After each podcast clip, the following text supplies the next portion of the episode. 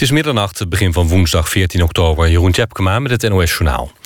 Dit jaar zullen vermoedelijk 50 tot 60.000 mensen asiel vragen in Nederland. Eind vorige maand stond de teller op 40.000, meldt staatssecretaris Dijkhoff. Door de grote stroom vluchtelingen zijn er te weinig plaatsen om ze allemaal op te vangen. Daarom worden er snel nieuwe plekken gezocht... en moeten asielzoekers langer in de noodopvang blijven. De Taliban hebben zich volledig teruggetrokken uit de Afghaanse stad Kunduz. De strijders zouden zich hebben teruggetrokken om te voorkomen dat er nog meer burgerslachtoffers vallen. Ze ontkennen dat ze zijn verdreven. Kunduz werd eind vorige maand ingenomen door de Taliban... maar ze werden al snel teruggedreven door het Afghaanse en Amerikaanse leger. Scholen in het voortgezet onderwijs klagen massaal over het digitale lesmateriaal van uitgeverij Noordhof. Er zijn geregeld storingen, waardoor het lesmateriaal niet of slecht toegankelijk is. Bij de distributeur komen dagelijks ruim 250 klachten binnen. Noordhof is de grootste uitgever van onderwijsmateriaal. Begin dit jaar zei het bedrijf dat het last had van aanvallen van hackers. Danny Blind blijft aan als bondscoach van het Nederlands elftal. Dat heeft KNVB-directeur Bert van Oostveen gezegd... na de uitschakeling van Oranje. Ondanks de teleurstelling van vanavond zijn we aan het bouwen van een, aan een relatief jong team. Dan moet je niet weglopen, maar blijven staan. Dat doet de KNVB en dat doet Danny Blind, zei Van Oostveen. Oranje verloor thuis met 3-2 van Tsjechië... dat meer dan een helft met 10 man speelde. De Tsjechen kwamen op 3-0 door een eigen doelpunt van Robin van Persie. Die scoorde later nog wel, net als Klaas-Jan Huntelaar. Ook als Oranje had gewonnen, had het zich niet geplaatst voor de play-offs... want Turkije won thuis met 1-0 van IJsland. Turkije gaat ermee als beste nummer 3 direct naar het EK. In groep B plaatste Bosnië-Herzegovina zich voor de play-offs. In groep H gaat Kroatië met Italië naar het EK... en speelt Noorwegen in de play-offs. Het weer bewolkt met landinwaarts opklaringen, mogelijk mist. In het noordwesten buien, overdag verspreid wat regen. Het wordt 5 tot 11 graden. Tot zover het NOS-journaal. Dan ANWB Verkeersinformatie met één melding. Op de A12 Den Haag richting Utrecht...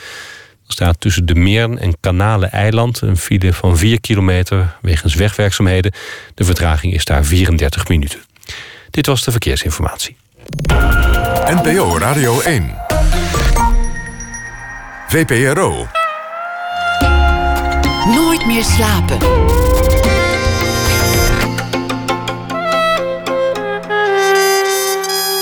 met Esther Naomi Perquin. Goedenacht en welkom bij Nooit meer slapen. Het is 45 jaar geleden dat Jimi Hendrix overleed. En na één uur gaan we langs bij zangeres Beatrice van der Poel... die een aantal van zijn hits heeft vertaald en bewerkt. Met het theaterconcert Electric Lady brengt ze een ode aan de Amerikaanse gitarist.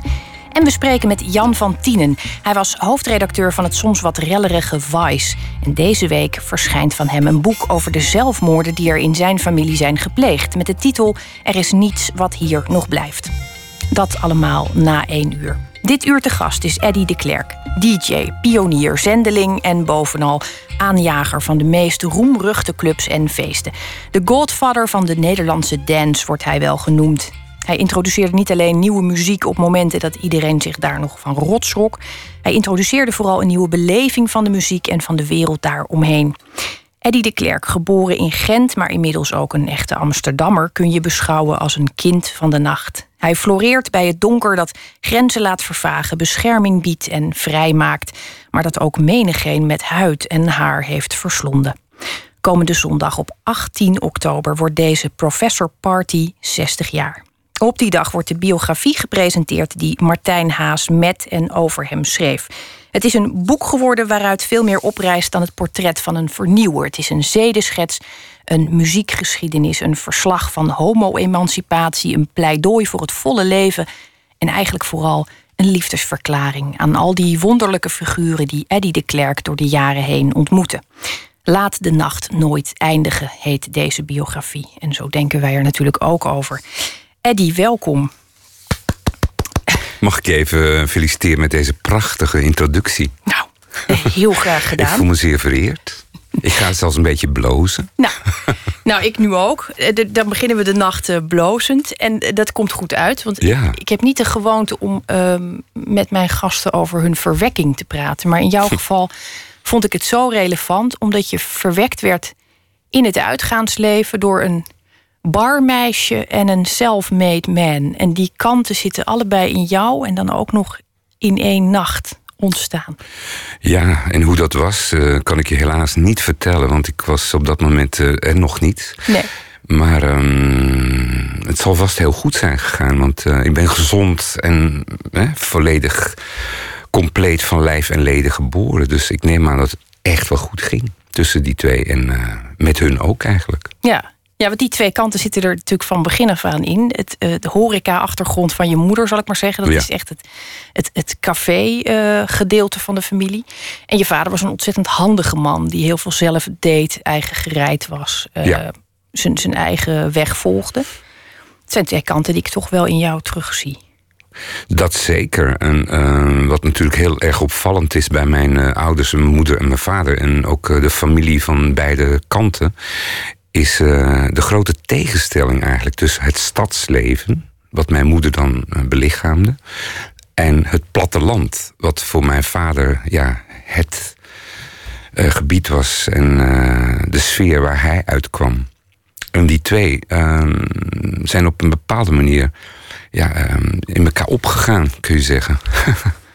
Jouw vader was ook echt anti-stads, geloof ik. Ja, het was echt een, een boerenjongen. Kom uit Zeeuws-Vlaanderen, uit het dorp Watervliet. En uh, daar woonden ook zijn ouders weer. En dan weer een deel van de familie waar ik ook eigenlijk ben opgegroeid. En uh, dat was en is een ja, prachtig Vlaams deel hè, van Zeeuws, ja, Zeeuws-Vlaanderen, mag je wel zeggen. Het ligt heel dicht bij Nederland. Ik kan me ook nog herinneren dat op bepaalde zomerse dagen wij wel eens gingen wandelen. En dan kon je onder het prikkeldraad de, de sloot overkruipen naar Nederland. Wat mijn opa trouwens heel veel gedaan heeft in de oorlog, want hij smokkelde in de Tweede Wereldoorlog. Ja, en we smokkelden sigaretten en boter en dat soort dingen. Dus uh, ik ken de streek vrij goed. Uh, prachtig om daar op te groeien als jongetje. Ja. Zeker ook uh, omdat natuurlijk ja, een bepaald soort rust en vrijheid had. En laten we zeggen, ik erg geniet van de natuur, nog steeds. Ik kan me heel erg rustig terugtrekken zonder de stad te missen. En dat zal vast heel raar klinken uit de mond van een uh, discotheek-eigenaar, DJ, weet ik veel. Ja, ik zie, ik zie het inderdaad niet heel snel uh, voor me. Maar nu het zo zegt, je bent opgegroeid op platteland... dan neem je daar natuurlijk ook een bepaalde basis van mee. En jij noemt het vrijheid. Ik kan me herinneren dat heel veel kinderen in dorpen altijd zeggen... nou ja, die verlangen altijd naar de stad, want daar gebeurt het. Maar jij ervaarde het dus ook als een een vorm van vrijheid, al die ruimte die je had. Ja, zeker tot mijn uh, vijftiende was het voor mij een absolute uh, hemel. Uh, wel echt een paradijselijk gevoel, ja. Dat platteland en het, het, het, gevoel te hebben dat je echt zomaar vanuit je huis de straat over kunt steken. En je loopt naar een bos en een meertje en je gaat frambozen plukken. En weet je, paddenstoelen zoeken en kikkers opblazen op een elektrische draad. En, weet je, allerlei qua jongensstreken die je dan uithaalt. En vogelsnesten, vogelnesten uithaalt. ja, ik weet het niet. Het was een geweldige, vrije, blije tijd. En pas later ben ik me daar enorm gaan tegen afzetten. Toen ik eigenlijk de stad Gent en Brussel en Antwerpen ontdekte. Want ik woonde toen nog in Vlaanderen. En um, dat was voor mij een compleet andere wereld. Er was toen een, uh, al vrij snel een honger in je ontwaakt. En er is een uh, scène in het, in het boek... Uh, waarbij je min of meer verliefd raakt op de jukebox. Ja, dat was inderdaad de jukebox, Roccola jukebox. Prachtig apparaat om te zien trouwens.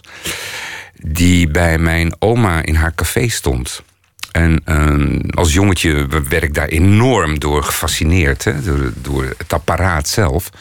Die kleuren en uh, de geluiden die zo'n ding maakt als je er geld in stopt. En dan gaat er iets uh, lopen en dan zoek je een bepaald nummer uit. En druk je op knopjes en dan zie je opeens de Beatles. Of je ziet Louis Neefs of je hoort Jimi Hendrix. Of, weet je, dat, dat komt uit zo'n fantastisch apparaat. Met een goed geluid ook nog.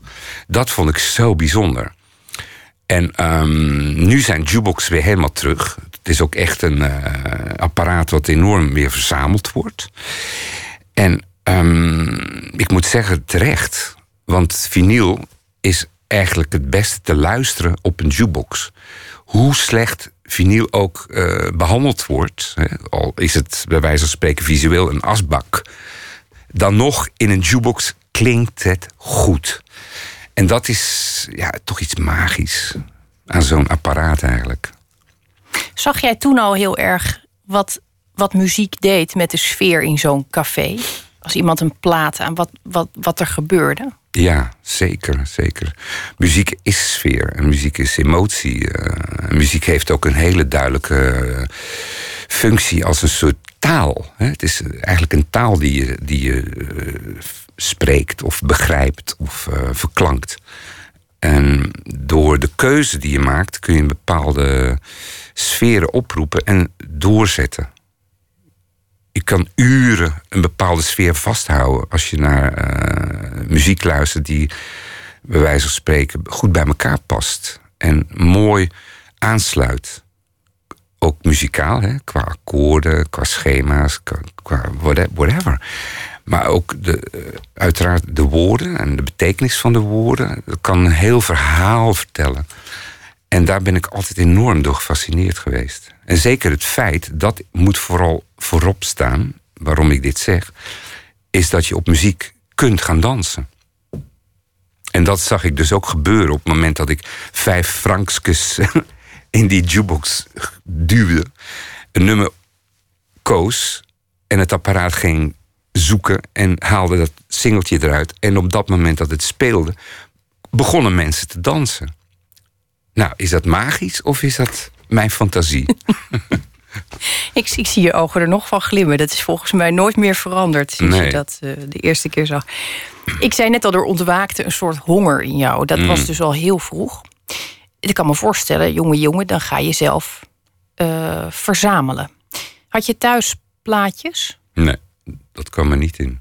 Ik wilde het heel graag, alleen ja, ik kon het niet uh, in huis hebben zoals mijn vriendjes dat hadden. En dan, uh, elke jongen in de klas had wel een uh, verzameling singles of LP's. En ik ging dan wel eens na afloop van school, uh, ging dan bij jongens thuis luisteren. En ik had bijvoorbeeld een vriendje die kocht alleen maar rock. En zo heb ik dus eigenlijk LP's ontdekt van Black Sabbath bijvoorbeeld. En um, Deep Purple en je noemt maar op, Jimi Hendrix. Hey Joe. Nou, Along the Watchtower. Dat soort nummers. Nou, echt pure betovering. Weet je, om dat te horen. En dan wilde ik dat ook uh, hebben, kopen. Maar dat mocht niet van mijn vader. Want die vond dat geldverspilling. Geld was vooral om, ja... Nuttige dingen mee te doen. Ja, nuttige zaken mee te doen. En geen uh, verspillende, uh, zoals platen platen was echt voor hem uh, absoluut geldverspilling. En het heeft ook iets met uh, waarschijnlijk zijn geloof te maken of zo. Uh, katholiek. Dus liever naar het kerkkoor en kantates van Bach zingen... dan bij wijze van spreken platen van rockartiesten in huis. Kocht je ze wel en, en, of moest je ze dan echt elders onderbrengen en... Ehm, nou ja, kijk. Uh, Verstoppen. In die tijd kreeg ik misschien uh, 20 frank uh, zakgeld in de maand. Dus er viel niet veel te kopen. Um, ik, ik, spaarde wel voor, voor platen. En uh, ik kocht wel eens een paar singles die dan ergens bij vriendjes thuis in de kast werden bewaard. Ik schreef trouwens nooit mijn naam op de single hoesjes. Want het kocht meestal singeltjes. Toen. Uit voorzorg? Ja, nee, dat uh, was toch uh, voor, voor, mij iets te, te, heilig of zo. Ik vond het een bepaalde blamage om je naam erop te zetten. Dit is van mij. Maar goed, uh, al, alle platen die ik toen kocht als uh, jongen... vond ik later wel allemaal weer terug bij vrienden of zo. Dus dat kwam allemaal goed. Maar ik kreeg vooral, en dat is heel leuk, van mijn oma... veel singles. Want zij haalde het uit de jukebox en dat ging dan gewoon in een bak staan uh, wachten op iemand die het kwam ophalen. De distributeur van de Roccola of zo. En dan vroeg ik wel eens van, mag ik die singeltjes? Nou, dan kreeg ik zo'n bak singles. En dan eh, mocht ik ook de hoesjes trouwens nog eh, erbij zoeken. Want die werden natuurlijk voor ze de jukebox ingingen... werden de singles uit de hoesjes gehaald. En moest ik zelf die singles weer in de hoesjes terug zien te stoppen... als ze er nog waren. Dus nee, heel, om een lang verhaal kort te maken... die bakken met singeltjes die bewaarde ik gewoon overal in het huis... en in de schuur en waar je het ook maar eh, bedenken kan. Zoals in het kippenhok heb ik nog een keer een bakje singles verstopt. Die trouwens mijn vader wel gevonden heeft. Maar dat was best wel een, echt een, uh, ja, een uh, kat-en-muisspel. Ja, het klinkt ook echt als verslavingsgedrag. Een beetje zoals een oude alcoholist zijn flessen wegmoffelt. Zo, zo was jij je muziek aan het verstoppen. Nou ja, kijk, het was niet een vrije keuze. Ik uh, deed het meer omdat het gewoon niet mocht. Dus het was gewoon uh, heel rebels. En uh, ja, junk. Ja, ik ben altijd een vinyl junk geweest. Vanaf mijn heel vroege jeugd. En dat ben ik nog steeds. Dat geef ik toe. Er is toch niks mis mee. Ik denk het niet. Ik kan me veel ergere dingen voorstellen in ieder geval. Ik kan het nu betalen in ieder geval. Wat ik een heel goed uh, voorbeeld vond, dat, ehm, dat, dat, dat staat ook in, in het boek is een oom van jou die stierf en jouw eerste reactie op zijn dood. Vond ik heel veelzeggend. Ja, wat is er met zijn platencollectie in hemelsnaam gebeurd? Bij die brand, waarbij zijn hele appartement uh, echt is uitgebrand. En ik zie nog die kast voor me staan met een prachtige platenspeler. Echt zo'n hi-fi design meubel. En daarachter was echt een gigantische collectie LP's. Prachtig. En het stond ook echt super centraal in de huiskamer. Weet je, zo'n modern appartement. Waar dan die, uh, die pick-up stond met die collectie. En dat is altijd op mijn netvlies gebrand geweest. Uh, dus je kan je voorstellen, toen dat appartement affikte. De man bleef er helaas zelf ook in. Um, is alles verkoold. Nou, dat is toch een drama van je welste. Ik bedoel, bij elkaar uiteraard. En niet alleen die platencollectie, maar dat, dat was echt enorm. Ja, dat, uh, die impact. Uh, dus ik hoop niet dat, dat er uh, ooit een, een, kachel, een brandende kachel in mijn huis te vinden is. Nee, nee het, is, het, is, het, is, vast niet de laatste brand die ter sprake zal komen. jammer genoeg. Nee. um, je zag mensen dansen op muziek. En um, op de een of andere manier moet je toen gevoeld hebben: dit is, een, dit is, dit is mijn soort. Hier hoor ik, hier hoor ik bij. Was dat, was dat ook de soort herkenning die je had, of kwam dat pas toen je echt zelf ging stappen? Um, je bedoelt in het café toen ik die jukebox vulde? Nou ja, als je en, ziet wat, wat, wat, wat er gebeurt met mensen die. Iemand zet een plaat op en ze worden plotseling bevrijd. Er vallen ja. dingen van ze af. Ze, ja. ze, gaan ineens bewegen, terwijl daar helemaal geen reden toe bestaat, behalve dat het lekker is. Behalve dat die muziek dat teweeg brengt. Dat is eigenlijk een hele wonderlijke sensatie. Ja, maar het is vooral uh, wat je teweeg brengt, hè? Die, uh, dat effect. Wat mij uh, altijd bijgebleven is. hoe, je, ja, hoe je mensen aan het dansen krijgt of in beweging krijgt. Hoe je je sfeer bouwt, maakt. Dat effect vond ik altijd zo uh, ja, bijzonder, echt wonderlijk. Het is en, ook een vorm van macht, natuurlijk. Uiteraard. Maar dat is het ook als je zingt. Of een uh, bepaald soort een konijn uit een hoed trekt. En daarmee als tovenaar of als goochelaar op een podium staat. Het is uiteraard macht. Maar dat is een vast onderdeel in je leven. En om dat als jongetje van acht of als tien te ervaren dat je die macht hebt, dat maakt je wel ook op een gegeven moment uh, bewust van je kunnen en je zijn. En dat is me heel, altijd heel erg uh, goed bijgebleven, uh, moet ik zeggen. Dat is me ook altijd gezegd. Van manneke, stik goede plakjes op. Ja, dat, is, dat kan ik niet nazeggen, maar ik begrijp uh, wel wat er bedoeld wordt, gelukkig. Uh, oh, dat is Vlaams. ik wil straks heel graag uh, weten hoe die, hoe die eerste jaren eruit zagen toen je zelf eindelijk mocht gaan dansen en het nachtleven in mm -hmm. kon duiken. Ja. Je was dan nog steeds erg jong, moet ik er even bij zeggen. Uh, zeker, zeker voor de begrippen van nu. Want ik, nou ja, als je op je zeventiende zo uh, begint uh, rond te struinen, dat is toch bitter jong nog, zoals ja. Hugo Claus dat zou zeggen.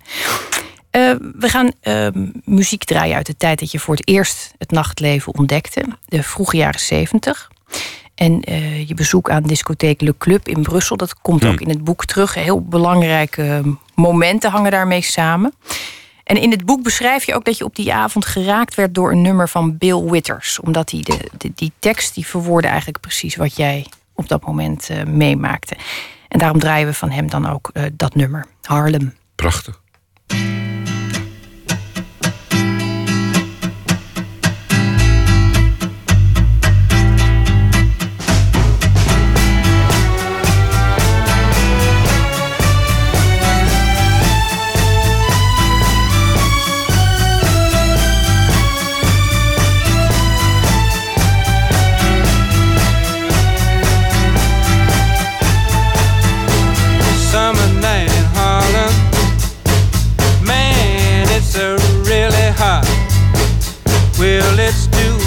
To sleep, I'm too poor to eat. I don't care if I die now.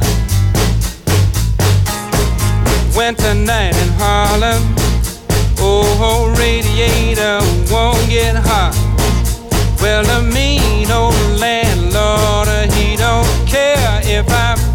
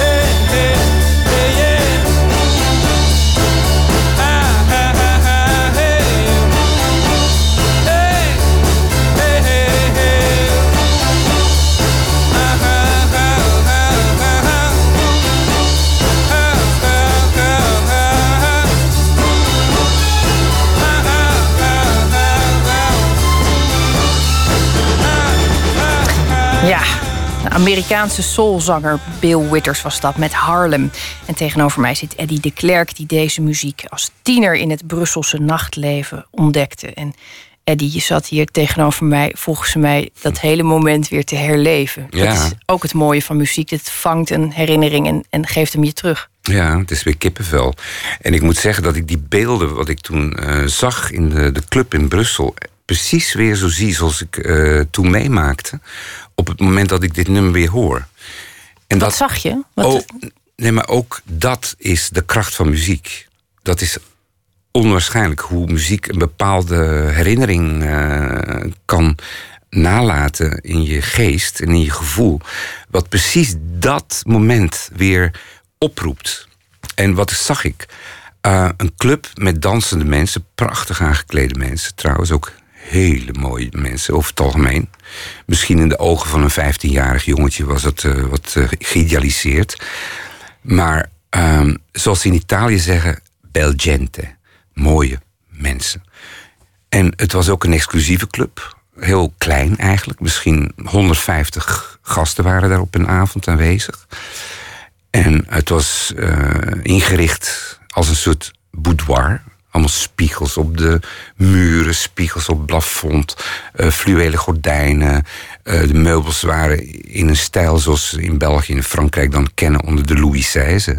Van die gekrulde uh, pootjes en hele lichte satijnen zittingen. Prachtig vormgegeven. En echt geen discotheek, discotheek, maar een, wat ze noemen een nachtclub. Weet je, er werd uh, geen eten geserveerd en er waren ook geen uh, striptease danseressen. Maar het was een hele chique nachtclub. En het was ook een homo-bar. Daar kwam ik eigenlijk ook voor. Hoewel ik dat niet duidelijk kon zien aan het publiek, want er waren net zoveel vrouwen als mannen. En um, wat ik later ook meemaakte, uh, toen ik daar vaster kwam eigenlijk en later ging werken, was dat er heel veel gigolo's rondliepen. Dus uh, jongens, die werden betaald door oudere vrouwen... en die dan daar uh, ook hun klandizie zochten. en er kwamen ook heel veel um, bekende mensen... Uh, van die artiesten die dan in Brussel hadden opgetreden. En ja, ik heb daar Barry White gezien... en met zijn vrouw, Claudine White... En leden van zijn orkest, die na afloop van een concert... daar kwamen chillen en after hours vieren. Maar ook uh, Franse zangers kwamen daar. Claude François heb ik keer gezien. En uh, modeontwerpers, modellen, en noem maar op. En hele, uh, heel veel zakenlui, ook veel buitenlanders. Het was echt een heel gemeleerd, mooi gezelschap mensen. Ja. Op zoek naar ja, vertier. Waar zocht jij naar? Want je was 15. Je zei net al, je, je kwam ook omdat het uh, een, een homo-club was. Dat, daar, die wereld wilde je blijkbaar verkennen ook. Ik neem aan dat je toen zelf al wist dat je mannen ook interessant vond. Um, ja, kijk, ik zocht er niet specifiek uh, seksueel contact. Um, ik was meer echt uh, verblind. Ik was echt onder, onder invloed van de magie van de spiegelbal. dat klinkt misschien heel groot, maar dat was echt het geval. Ik was totaal uh, gefascineerd door het nachtleven en vooral de spiegelbal die mij heeft uh, door de loop van de decennia eigenlijk later altijd is blijven boeien als het centrale punt in een discotheek. Kijk naar een spiegelbal waar dan ook in de wereld, waar dan ook in welke tijd, de jaren 50, 60, 70, 80. Nu zelfs nog op Mysteryland, op Dance Event, zul je spiegelballen zien. En dat hebben ze al sinds ja, begin deze eeuw, maar vorige millennium ook. Een spiegelbal is voor mij een soort van uh, een doorgeefluik. En ik heb me er altijd op geconcentreerd als ik even ja, niks te doen had of me verveelde of uh, even niet wist uh, wat ik voor plaat moest opzetten in een discotheek, dan keek ik naar die spiegelbal die draaide met die kleuren en die, die, ja, die glitters. En dat was altijd een soort van moment waarin ik echt verdween in die spiegelbal. en dat vond ik ook terug in die club. Want die tent was één grote spiegelbal. Het was een soort paleis van de ijdelheid. Waarin je echt mensen kon bespieden en iedereen kon bekijken zonder dat je zelf gezien werd. En ik was toen 15, 16 of zo. En weet je, ik was natuurlijk zo verlegen en bleu en onnozel. dat ik geplakt tegen die muur stond te luisteren. en opeens dat nummer van Bill Withers hoor. En die tekst kwam echt binnen als een mokerslag. While the hip folks getting home from their parties. And the good folks just got up. Toen realiseerde ik me van, ik ben vast een heel slecht mens. Want ik sta hier s'nachts, terwijl ik eigenlijk in bed hoor te liggen. Nou ja, dat is misschien wel waar ik het net even met je over had. Die, dat je je eigen soort vindt. Dat je voelt dat je ergens thuis bent. Dat je hoort bij het volk van de nacht, zal ik Ja. maar even zeggen. Ja, dat was zeker een binnenkomen. Ja. En dat was ook mijn eh, onthaal. Eh Le Club was absoluut mijn onthaal in, de, in het nachtleven en de, eh, ja, de scene in Brussel. Want ik werd heel snel opgepikt en versierd. En ja, goed, als blond jongetje met sterren in zijn ogen... kan me wel voorstellen dat het nogal een makkelijke prooi was. Ehm, maar het ging me niet om, om seks. Met wie dan ook. Het ging me gewoon puur om ehm, ontdekken. Dat hele avontuurlijke, dat trok me erg aan. Nog steeds eigenlijk. Dat trekt me enorm aan. Het ontdekken van iets wat ik nog niet ken. En vooral datgene wat mij fascineert. Het is een beetje de rode draad in het boek. En ik denk dat, dat, dat we het er nog meer keren over gaan hebben. Maar je noemt het nu. Dat is iets wat mij heel erg eh, opviel in het boek. Ik zie een jongetje dat toch echt op het platteland is opgegroeid. Zelfs op kostschool heeft gezeten. Katholieke vader. Nou ja, allemaal. Hm. En dan vervolgens duik je dat nachtleven in. En ik, ik heb eigenlijk nergens angst gelezen. Wel onzekerheid of misschien af en toe schuchter of even de kat uit de boom kijken. Maar, maar de angst voor iets nieuws, die alle, bijna alle mensen hebben dat. Ik heb dat ook. Oh god, dat ken ik niet, dat wil ik dus niet. Die, die, die ontbreekt volgens mij bij jou. Er is iets. eh, dat, het lijkt of je het gewoon niet, niet hebt. Alsof het er gewoon niet in zit. Nou, eerlijk gezegd wel. Eh, de enige waar ik, het enige waar ik bang voor ben, eh, ben ik zelf. voor de rest ben ik voor de duvel niet bang. Maar het enige waar ik echt bang voor ben, dat, ja, dat zeg ik nogmaals, ben ik gewoon zelf. En dat heb ik wel ontdekt ook in eh, de loop van de jaren. Dat ik eh, met wie dan ook, waar dan ook eh, instap. Zonder enige vorm van remming. Wel natuurlijk intuïtie. Ik ben geen idioot. Maar ehm, als het goed voelt, doe ik het. En ik vind dat heel belangrijk, ook omdat het heel goed bij mijn karakter past. Ik ben heel speels, ik hou van avontuur. Ik ben iemand die snel ehm, ja, verveeld raakt, ook dat. Dus eh, er moet constant een, een prikkel zijn. En dat ervaar ik alleen maar als heel positief. Maar waarom zou ik bang zijn? Voor wie zou ik en voor wat zou ik moeten bang zijn? Vraag ik me dan af. Voor wie? Voor Nou, ik, ik denk als je zegt. Ik ben het meest. Ik ben eigenlijk alleen maar bang voor mezelf. Eh, Juist iemand met die, met die gebrek aan remming en, en die, die gretigheid. De gretigheid waarmee je het leven naar binnen wil zuigen. Ja, ja. Dat, ik kan me voorstellen dat, het- dat het je ook op kan vreten. Doe het nachtleven kan, heeft heel wat mensen ook geslachtofferd. Ja, maar mij niet. ik heb daar geen last van. Ik ben nog net zo helder en nuchter en ik hoor nog alles precies zoals ik het hoorde toen ik 16 jaar was. Ik ben nu 60 dit weekend, aanstaande weekend. en bedoel, ik heb nergens last van. Geen lichamelijke problemen, laat het afkloppen. En geestelijk, denk ik, zit ik ook nog wel vrij goed in elkaar. Ehm, dat is misschien ook eh, onderdeel van mijn karakter en mijn eh, ja, goed eh, gestel. Maar ik heb heel veel mensen zien kapot gaan aan het nachtleven, ja, klopt. Dat is misschien ook wel een remming geweest, waar, ja, waarbij gezegd werd door niemand in het bijzonder, maar waarbij ik toch een teken van God kreeg, bij wijze van spreken, van dit gaat te ver. Eh, die remmingen ken ik wel. Ik weet precies wanneer het te ver gaat. Ik kan enorm uit mijn dak gaan. Ik ben echt een feestbeest als het nodig is, als het de gelegenheid zich voordoet. En eh, daar heb ik geen moment spijt van. Nooit gehad. Vermijd spijt. Dat is altijd mijn motto geweest. Doe het nou gewoon. Weet je, het enige wat je moet doen in je leven is doen waar je in gelooft. Volg je droom. En dat heb ik altijd gedaan. En dat doe ik nog steeds. We maken een eh, enorme sprong vanuit eh, dat jongetje van 15, 16 ineens naar het nachtleven in Amsterdam. Dat is de plek waar heel veel mensen jou hebben leren kennen en nog steeds kennen trouwens. Ehm, het is ook de plek waar je ongelooflijk eh, grote en spannende dingen hebt gedaan. Toen je daar aankwam in Amsterdam, wat, Mm. wat trof je toen aan? Want een hele eh, spannende scene was het volgens mij nog niet. Nee.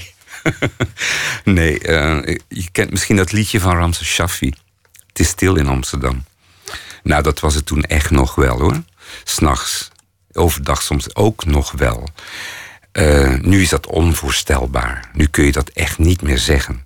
Ik woon in het centrum, ik weet precies waar ik het over heb. Maar ehm, toen ik aankwam in Amsterdam, viel mij vooral de mens op, de Nederlander omdat ik uit het buitenland kom, ehm, kwam, moet ik zeggen, was dat voor mij een enorme eye-opener. Ja. Dat was echt een ontdekking om de Nederlander te leren kennen. En ik ben daar enorm ehm, welkom opgevangen door ehm, Bernard Brouwer en Marijke Bijkerk van Lady Day, de winkel waar ik toen eh, ging werken. En die mensen hebben me echt als een familielid eh, opgevangen, binnengelaten in hun wereld en eh, rondgeleid ook in hun wereld. En ik heb het zelf ook ontdekt, uiteraard, Amsterdam, los van Lady Day. En eh, wat ik toen aantrof was vooral in het nachtleven nogal een saaie, eh, provinciaalse, ingeslapen bedoeling. Dansten ze ook, de Nederlanders, of ook dat niet echt? Nou, vrouwen wel eens, ja. Mannen niet. Over het algemeen niet. Ik kende trouwens ook niet zoveel plekken in Amsterdam waar, waar je ging dansen. Je had het eh Okshoofd, dat was de enige hetero-discotheek waar ik dan eh, wel eens terecht kwam. En daar, eh, daar ja, hingen heel veel verdwaalde hippies rond. En wat ja, eh, doorgesnoven rockfiguren. En eh, enkele toeristen en wat, wat lokale freaks. En Paradiso, ja, dat was toch nog altijd in de ban van ehm, de hippiecultuur ook. Op dat moment Amsterdam was erg bezig nog met het verwerken van die jaren zestig. Die hippiecultuur en de, de Provo en de slapers op de Dam en het Vondelpark. Het lag er vol mee, bij wijze van spreken. En ik ontmoette allerlei fascinerende mensen toen eh, ik daar net woonde. Willem de Ridder bijvoorbeeld, fantastische man. Eh, met zijn vrouw Cora, nooit vergeten dat bezoek aan hun de eerste keer. Claude van Heijen, fotograaf, geweldige mode- en glamourfotograaf. Modellen, ehm, Apollonia van Ravenstein, Frans Anconet van Blad Avenue. Weet je, ik werd heel snel eh, opgenomen in een soort van scene van eh, creatieve mode, muziek, eh, mensen die vooral natuurlijk om Lady Day eh, draaiden, om de winkel. Dat was een modezaak. Een modewinkel, ja, eigenlijk een vintage modewinkel, want eh, er werd vooral tweedehands kleding verkocht. En Marijke maakte zelf, eh, de eigenaresse maakte zelf ook eh, ontwerpen, kleding van stoffen die ze dan weer vond, oude partijstoffen. Daar maakte ze hele mooie eh, eh, nieuwe, nieuwe kleding van. En Marijke heb ik eigenlijk leren kennen, en Bernard van Lady Day, in België, in Gent, waar ik mijn eerste winkel had. Ik had een kledingwinkel, ook een vintage kledingwinkel. En dat was voor ik naar Amsterdam kwam. Maar dat liep van geen meter. Moet ik erbij zeggen. Ik verkocht ook jukeboxen trouwens. Ik neem aan dat je daar meer mee bezig was dan, eh, dan met de kleding. Nou, nee, ik, ik, ik vond eh, alles wat eh, voor 1950 werd gemaakt fantastisch. Ja, de kwaliteit en het, de schoonheid van, van de producten. En ja, waanzinnig die glamour van de jaren 30, 40 en ook 50. eh. ik ben opgegroeid in de tijd dat rock and roll eigenlijk net stopte. Zo mid jaren 60. En Tamla Motown. eh, dat was nog allemaal heel erg hot and happening. En ja, dat, was ook een fantastische eh, tijd qua kleding, qua interieur, qua look, qua auto's. Ja, en als jongetje was ik altijd eh, natuurlijk aangewezen op tweedehands. Want ik had geen geld voor nieuwe dingen. Dus zodoende, en ook door mijn vriendje in Brussel, Charles Olivier, die had een collectie tweedehands vintage spullen. Nou, dat, dat kun je echt vandaag de dag niet meer voorstellen om een hele kast vol Chanel-pakjes, originele Chanel-pakjes te hebben hangen. En Balenciaga jurken en Vionnet en je noemt het maar op, echt haute couture jurken. Die jurken die kocht hij voor een habbekrats.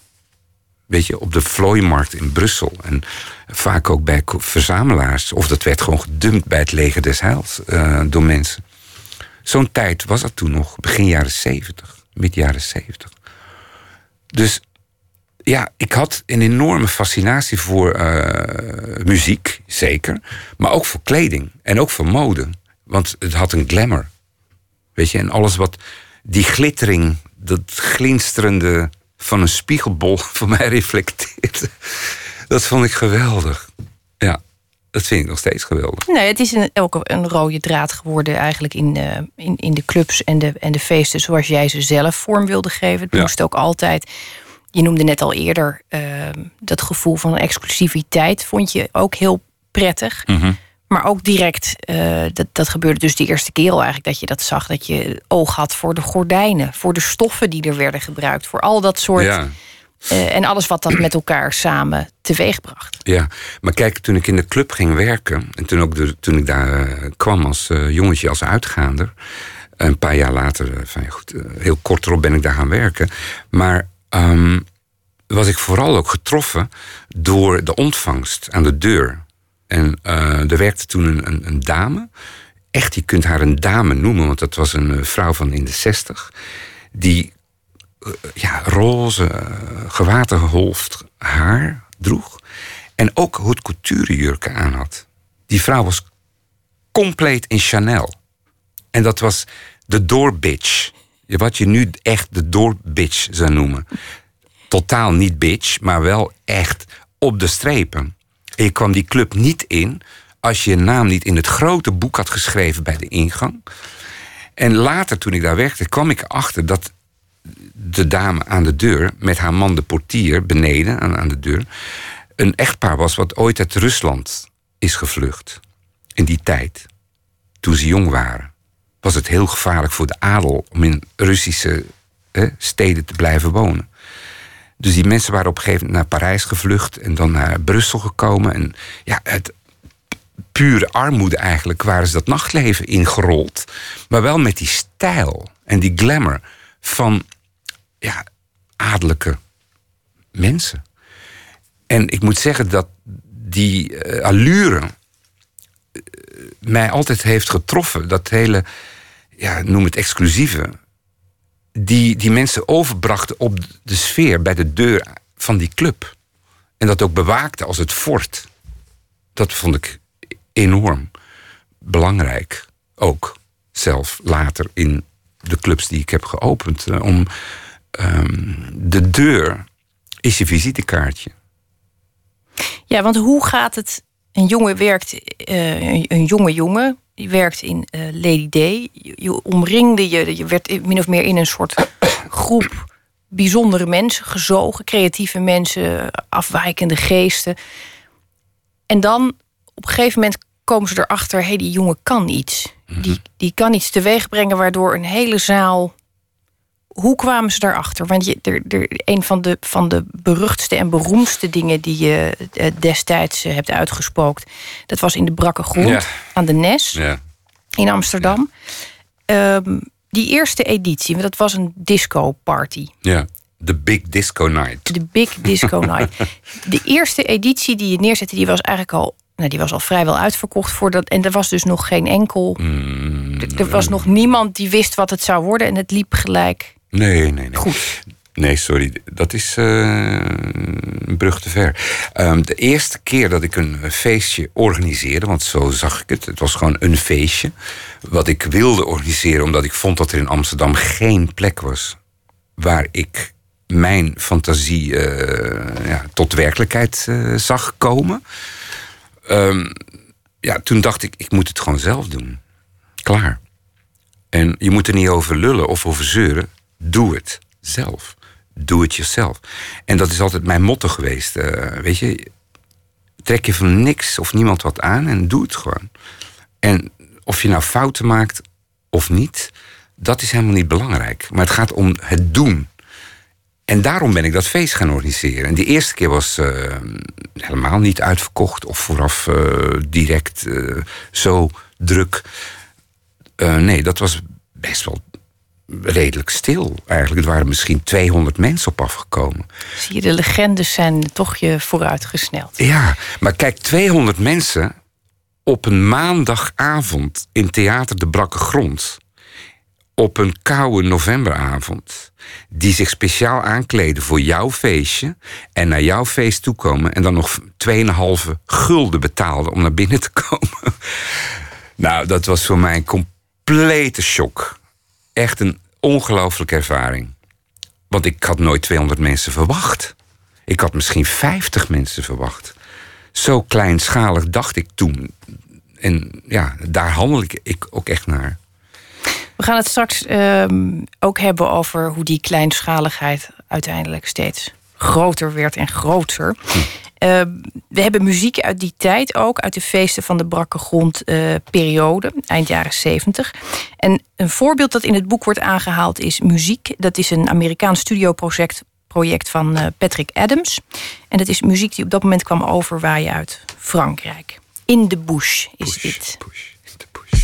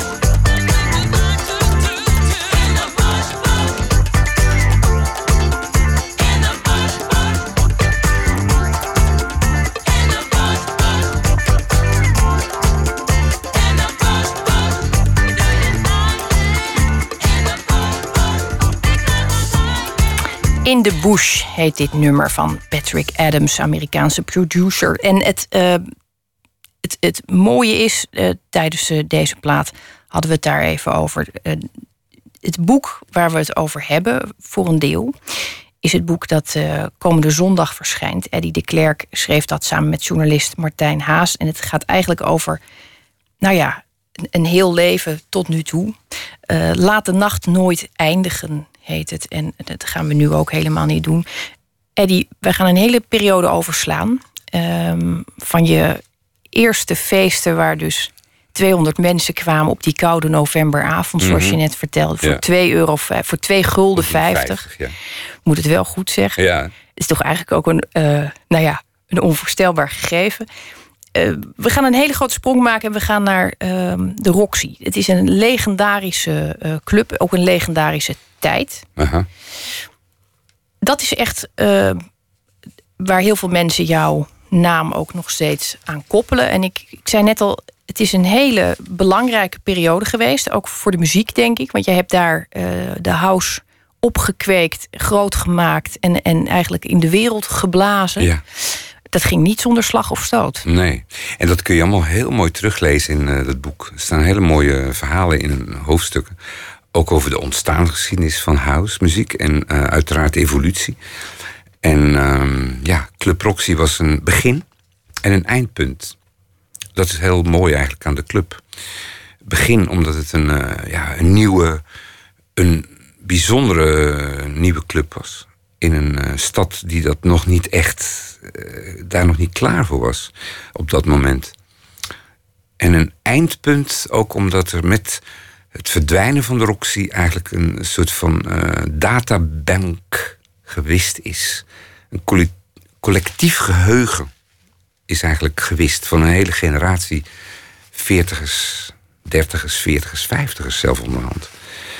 En ehm, ja, het is ook een begin van een einde geweest, als ik het even heel filosofisch mag zeggen. Want daarna is ja, de hele clubscene eigenlijk eh, nooit meer hetzelfde geworden. Zeker niet in Amsterdam. En ik geloof, en ik mag dat gelukkig wel beweren, dat eh, na Club Roxy nooit meer een dergelijk soort ontmoetingsplek is gekomen. En ik denk dat het gemis er nog steeds sterk is. Dat Is dat wat, je, wat, je, wat jij ook voor ogen had ehm, met die club? Is dat een van de doelen die je wilde? Een, een, een uniek soort platform bieden aan een gemeenschap die anders geen plek had? Ja, kijk, ik wilde, heel simpel gezegd, de beste club ter wereld eh, openen. That's it. En ik wilde vooral nieuwe elektronische dansmuziek laten horen. Geen hits, geen MTV, geen afgezaagde whatever. Nee, echt nieuwe elektronische dansmuziek vanaf dag één. En dat heb ik ook gedaan. Zeker op mijn eigen avond op vrijdag. En ja, dat het heel moeilijk, moeilijk, moeilijk ging. Ja, dat weten we onderhand. En dat staat ook nogmaals heel mooi beschreven in dat boek. En ehm, het gekke is, hoe meer tegenstand ik kreeg, hoe eigenwijzer ik werd. En hoe meer ik besefte dat dit voor mij de toekomstmuziek was. Die ik op dat moment aan het draaien was en promoten. En hoe meer het belachelijk werd gemaakt door ook de media, helaas, moet ik zeggen. Vooral bepaalde journalisten en zenders hadden daar echt last van. Ik ga geen namen noemen. Maar ehm, hoe meer tegenwerking, hoe meer strijd, hoe sterker ik stond in mijn schoenen om dit vooral door te zetten. En ik wilde daarnaast ook een soort van plek creëren waar ja, de mensen, het nachtvolk, hè, eh, de zwervers, bij elkaar konden komen en een soort echt een unieke, exclusieve club aantroffen waar ze zich thuis voelden. En dat was vooral mijn doel. En dat is eigenlijk eh, goed gelukt, mag je wel zeggen. Dat is heel goed gelukt. Ja. En het is vooral heel goed gelukt, en dat vergeten heel veel mensen, vooral nu op dit moment, dat het enige ingrediënt telde om dat te bereiken, was namelijk de mix van mensen. Dus niet je richt op een doelgroep, of je richt op een bepaalde leeftijd, of je richt op een bepaald soort eh, imago, of een bepaald soort hipheid. Wat ik trouwens haat. Hip is nep voor mij. Maar het gaat om een soort van bepaalde exclusiviteit bieden. Waarin een mix van alles en iedereen, qua leeftijd, qua sociale achtergrond, eh, zich kan vinden. En dat is altijd wat ik eh, een, het salad bowl effect noem. Als je een salade husselt, door elkaar husselt, zit er ook van alles in. Tomaat, paprika, uien, sla, je noemt het maar op. Zo gaat het ook met een club. En ik haat hokjes. Dat is nog iets anders wat ik moet zeggen. Als enige negatief. Ik kan niet tegen hokjes. Hokjes zijn goed voor je belastingaangifte. Box 1 en 2 en 3. Maar niet voor het nachtleven. Daar, Maar Eddie, dan zit je in Nederland toch heel lastig. dat weet ik. Maar daar vind ik ook mijn kracht. En dat is ook mijn bijdrage aan de Nederlandse cultuur. Dat die hokjes door mm, Club Roxy, eh, was echt een goed voorbeeld... maar daarvoor de Brakke Grond, Pep Club, de Koer... die hokjes heb ik compleet weggevaagd. Dat is misschien mijn bijdrage aan de Nederlandse cultuur. En ook het feit dat eh, homo naast hetero danst, met elkaar danst. Niet naast elkaar, maar met elkaar danst in één ruimte.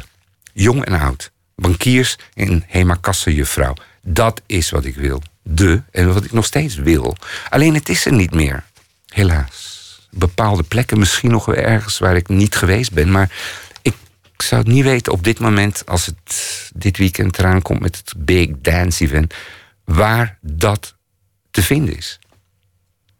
Jij vertrok op een eh, hoogtepunt. Je wilde dat moment ook heel bewust zelf kiezen. Je had er toen echt tropenjaren op zitten. Ja. Ehm, in Laat de Nacht Nooit Eindigen zijn die hoofdstukken die daarover gaan. Ik heb ze echt met, nou ja, met opgetrokken schouders zitten lezen. Omdat ik dacht, hoe lang houdt hij dit vol? Je, ja, je weet dan eigenlijk al een beetje hoe het afloopt. Maar toch heb je de neiging om te zeggen, pas op achter je. Zo'n soort eh, eh, sfeer. Heel eh, zware jaren. Ja. Dan kies je een moment dat het eigenlijk ontzettend goed gaat. Mhm. Alles zat in de lift. Ja. Wat jij wilde had je neergezet. En dat had wortel geschoten. Mhm. En hoe? Ja. Ehm, ineens was, was, was House. Nou ja, er waren natuurlijk nog steeds een paar mensen. Je, noemde ze net al, die beweerden dat het de muziek van de duivel was. Maar je kunt toch zeggen dat jouw zendelingenwerk behoorlijk effect had gehad. Ja, maar ik ben ook een man met een missie. eh, en mijn missie was volbracht. Eh, Club Roxy wilde ik succesvol maken... vooral eer ik daar kon weggaan.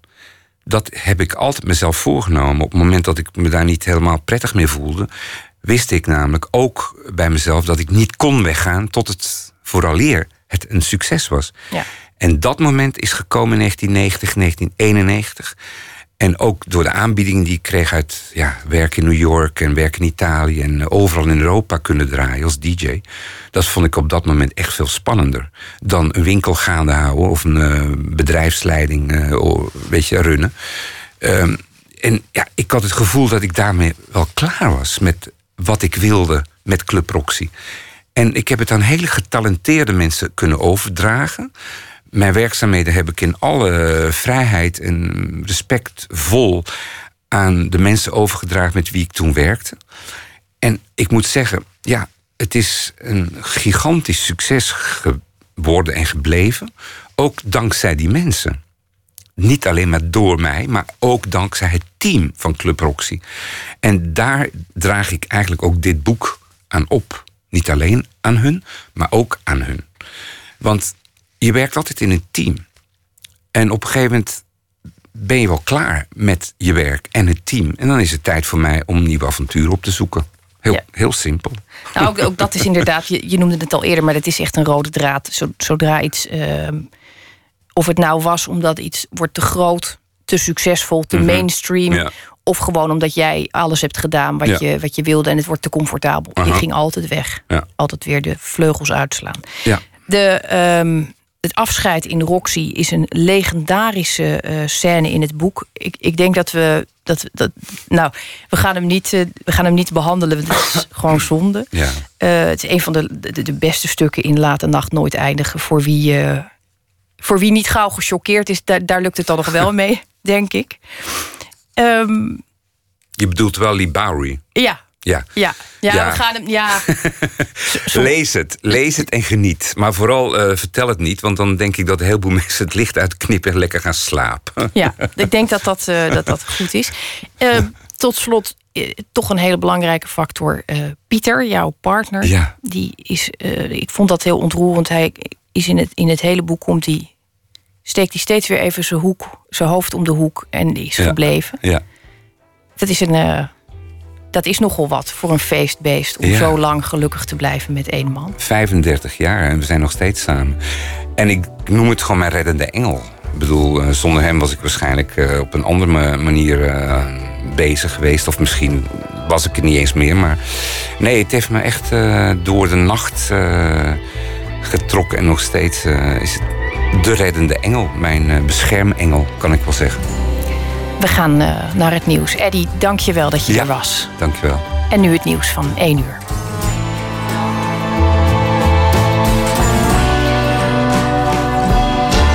Op Radio 1. Het nieuws van alle kanten.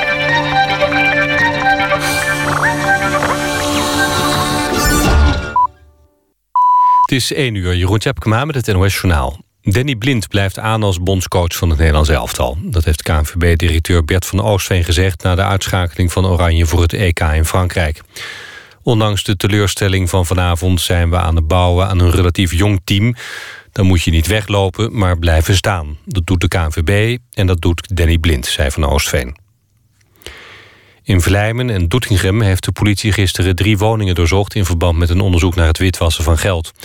Er zijn vier mensen aangehouden. De hoofdverdachte is een landelijk kaderlid van motorbende Satudara. Hij beschikte volgens justitie enkele jaren over grote geldbedragen... die niet te verklaren waren omdat hij geen legaal inkomen had in die periode. Bij de huiszoekingen zijn een geldhond en digitale experts ingezet. De agenten namen een motor, een paar duizend euro in cash en televisies in beslag. In Guatemala is de zoektocht naar vermisten na de aardverschuiving van begin deze maand beëindigd. Er worden nog 70 mensen vermist, maar het Nationaal Rampencomité heeft besloten dat de bergingsoperatie wordt stilgelegd. Op 1 oktober overspoelde een modderstroom met bomen en rotsblokken een woonwijk in een voorstad van Guatemala-stad. De gemeenteraad moet nu besluiten of het rampgebied officieel tot een grote begraafplaats wordt verklaard. Bij de aardverschuiving kwamen zeker 280 mensen om het leven. Jamaicaanse schrijver Marlon James heeft de Man Booker Prize gekregen. Hij is de eerste Jamaicaan die de prestigieuze Britse literatuurprijs wint. James won met zijn boek A Brief History of Seven Killings. De roman gaat over onder meer de moordaanslag op Bob Marley in 1976. De jury heeft het boek unaniem uitgekozen. De voorzitter van de jury noemt de roman het meest zinderende boek op de lijst. Het zit volgens hem vol seks en geweld, maar is vooral ook vaak erg grappig. Het weer vannacht en in de vroege ochtend vanuit het oosten een gebied met neerslag. In Zuid-Limburg kan er natte sneeuw vallen. Overdag verspreid over het land regen. Temperatuur tussen 5 graden in Limburg en 10 à 11 op de Wadden.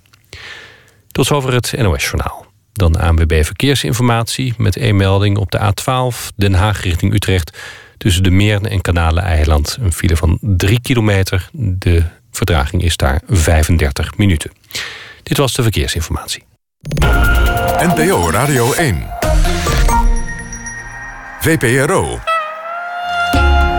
Nooit meer slapen.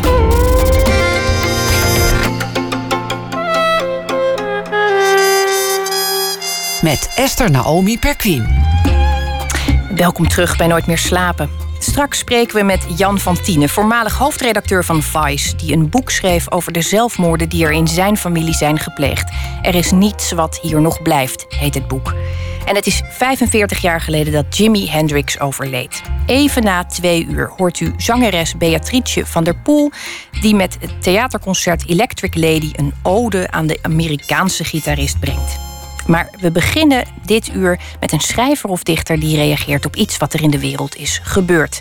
Deze week doen we dat met Jolanda Entius. Ze heeft geacteerd, films geregisseerd en scenario's geschreven. En van haar hand verschenen hele mooie boeken, onder meer De Gelukkigen en Het kabinet van de familie Staal. Jolanda, goedenacht. Goedenacht, Esther.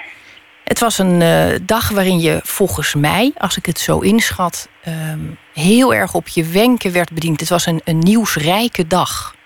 Ja, het was een hele nieuwsrijke dag. Nee, ik, ik stond wat later op dan normaal. Ik werd eh, echt om tien uur wakker ge- ge- ge- gebeld door iemand. En eh, ja, het is een dag met de MA17 natuurlijk. En eh, het nieuwe akkoordje tussen de VVD en de PvdA... waarin er zoiets is als semi-permanenten... als het gaat over eh, mensen die in Nederland mogen blijven, een tijdje... als ze gevlucht zijn voor allerlei ellende.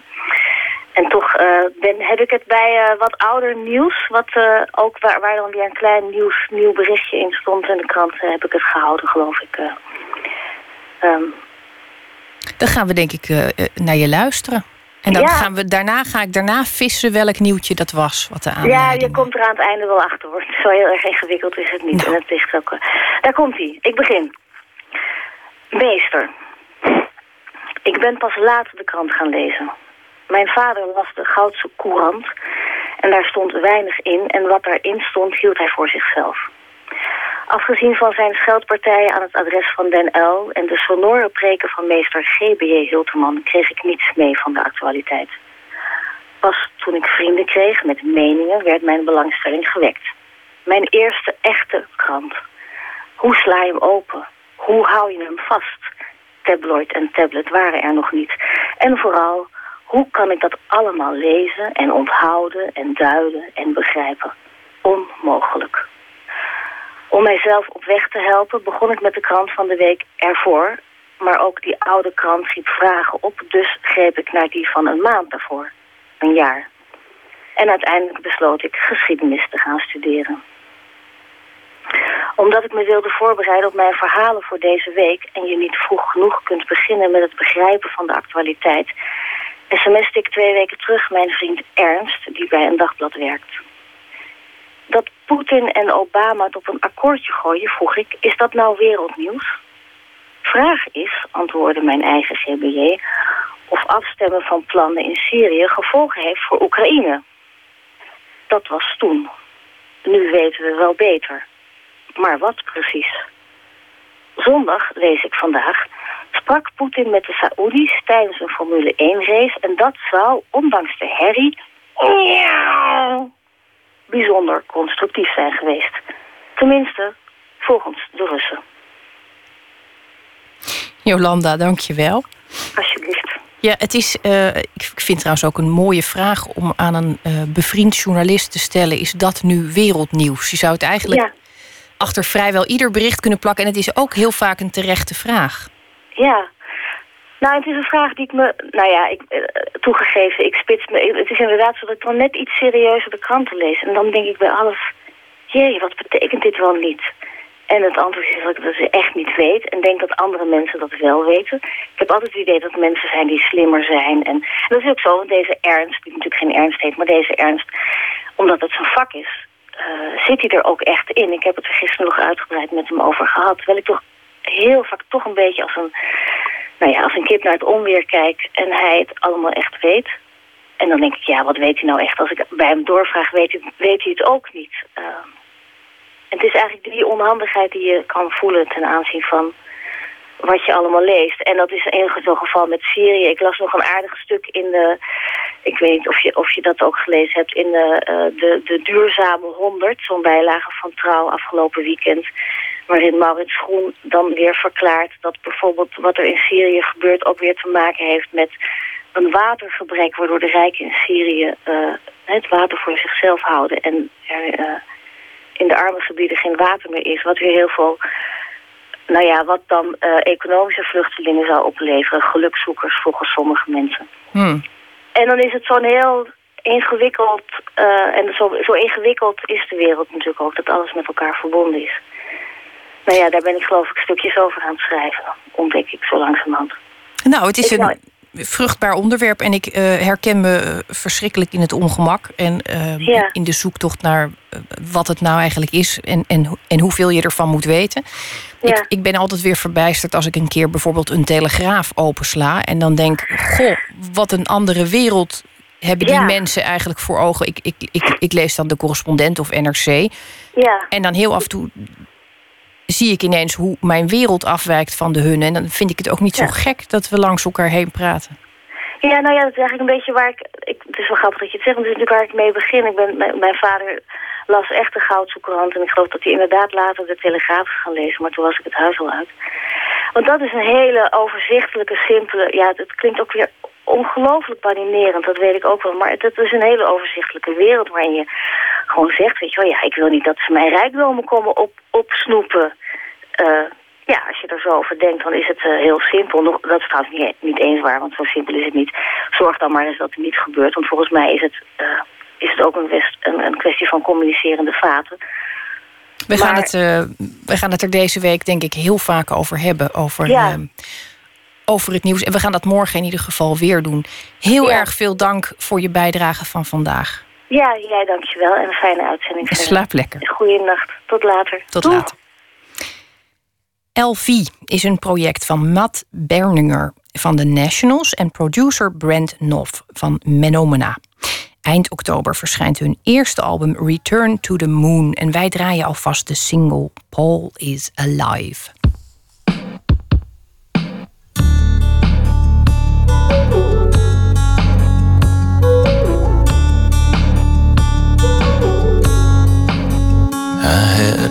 Had a sugar coated childhood. The stars were in my suit.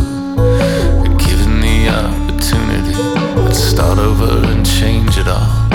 Beatlemania made my mother think the way she does.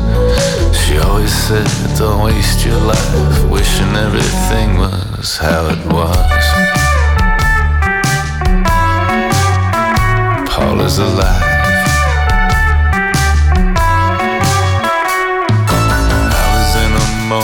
For a moment, then I wasn't. I was 16 years old in a dead guy's boots with my hair slicked to the side. Sitting outside the jockey club, crying in my 7 up. I could hear who's good doing the Smiths, the sluggers, the craps go bump, bump, bump inside.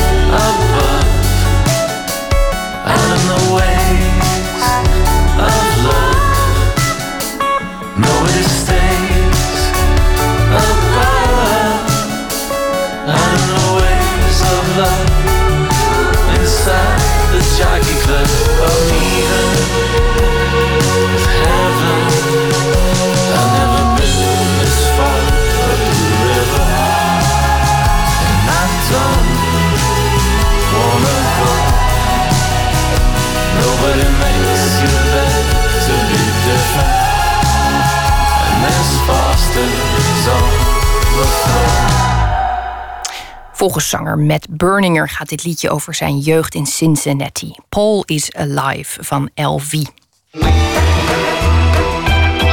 Nooit meer slapen. Jan van Tienen was de hoofdredacteur van het soms wat rellerige Vice. Deze week verschijnt van hem een gevoelig boek dat je daarom misschien niet meteen zou verwachten. Twee zussen en een broer van zijn moeder pleegden in de jaren 80 zelfmoord. Waarom? vroeg Van Tienen zich af. En die vraag bleek al net zo moeilijk te beantwoorden als de vraag hoe een boek te schrijven over zoiets zwaars en persoonlijks. Toch kwam dat boek er. De titel Er is niets wat hier nog blijft. Emmy Collau spreekt de schrijver.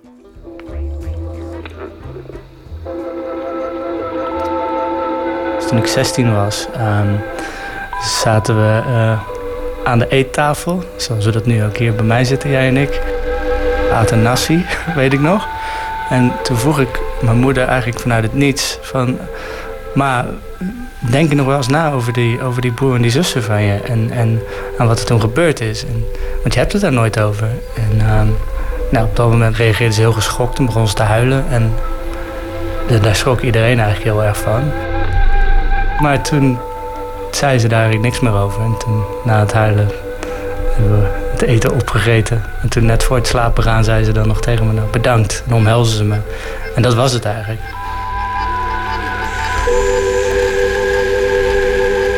Oké, dit, dit boek gaat over mijn zoektocht naar mijn moeders familie. En om specifieker te zijn gaat het eh, om een zoektocht naar eh, drie zelfmoordverhalen. Want een broer en twee zussen van haar die hebben eh, in de jaren tachtig zelfmoord gepleegd. En ik, ben zelf in 1985 geboren, dus ik heb die mensen nooit gekend. En ja, naarmate ik opgroeide, eh, is die interesse in die mensen is, is eh, steeds groter geworden. En, en ook zeg maar naar waar mijn moeder vandaan kwam. En uiteindelijk naar waar ik zelf vandaan kwam. Een katholieke familie in het overwegend protestantse Tolen, Zeeland. Elf kinderen. Gedronken en gerookt wordt er volop, maar gepraat wordt er maar weinig. Zo heb ik dat ook wel ervaren en ook gehoord. Dat het heel, eh, toch ook gesloten mensen waren. En eh, die moeilijk over gevoelens praten. En eh, ja, als ik eerlijk ben, dan denk ik dat het bij mezelf ook wel heel erg daarin zit. In ieder geval het confrontatiemijdende. Want ja, het zijn toch ook inderdaad mensen die ik dan nog niet heb gesproken over dit boek. Of ja, die, dit, die ik dan niet heb durven benaderen, denk ik. Ja, dus het, het zit, het zit ook in mij dat.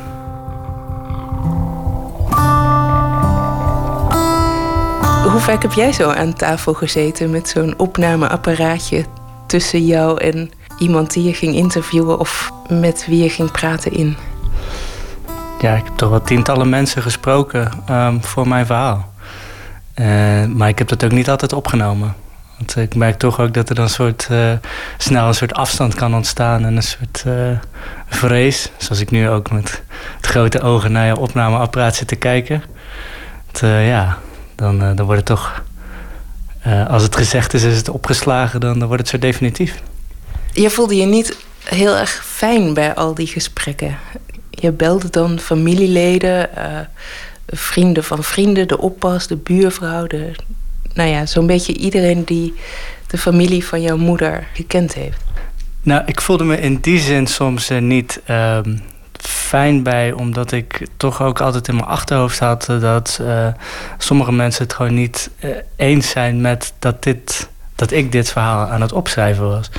En dat was iets wat me toch altijd wel, wel dwars zat. Je speelde niet altijd open kaart. Ehm, nee, dat klopt. klopt. Ik, heb, ik heb wel eens gelogen of verzwegen dat ik dan het over zou schrijven. Dan moet ik er wel bij aantekenen dat het op sommige momenten tijdens die zoektocht me ook niet helemaal duidelijk was of ik dat boek nou wel zou gaan schrijven of niet.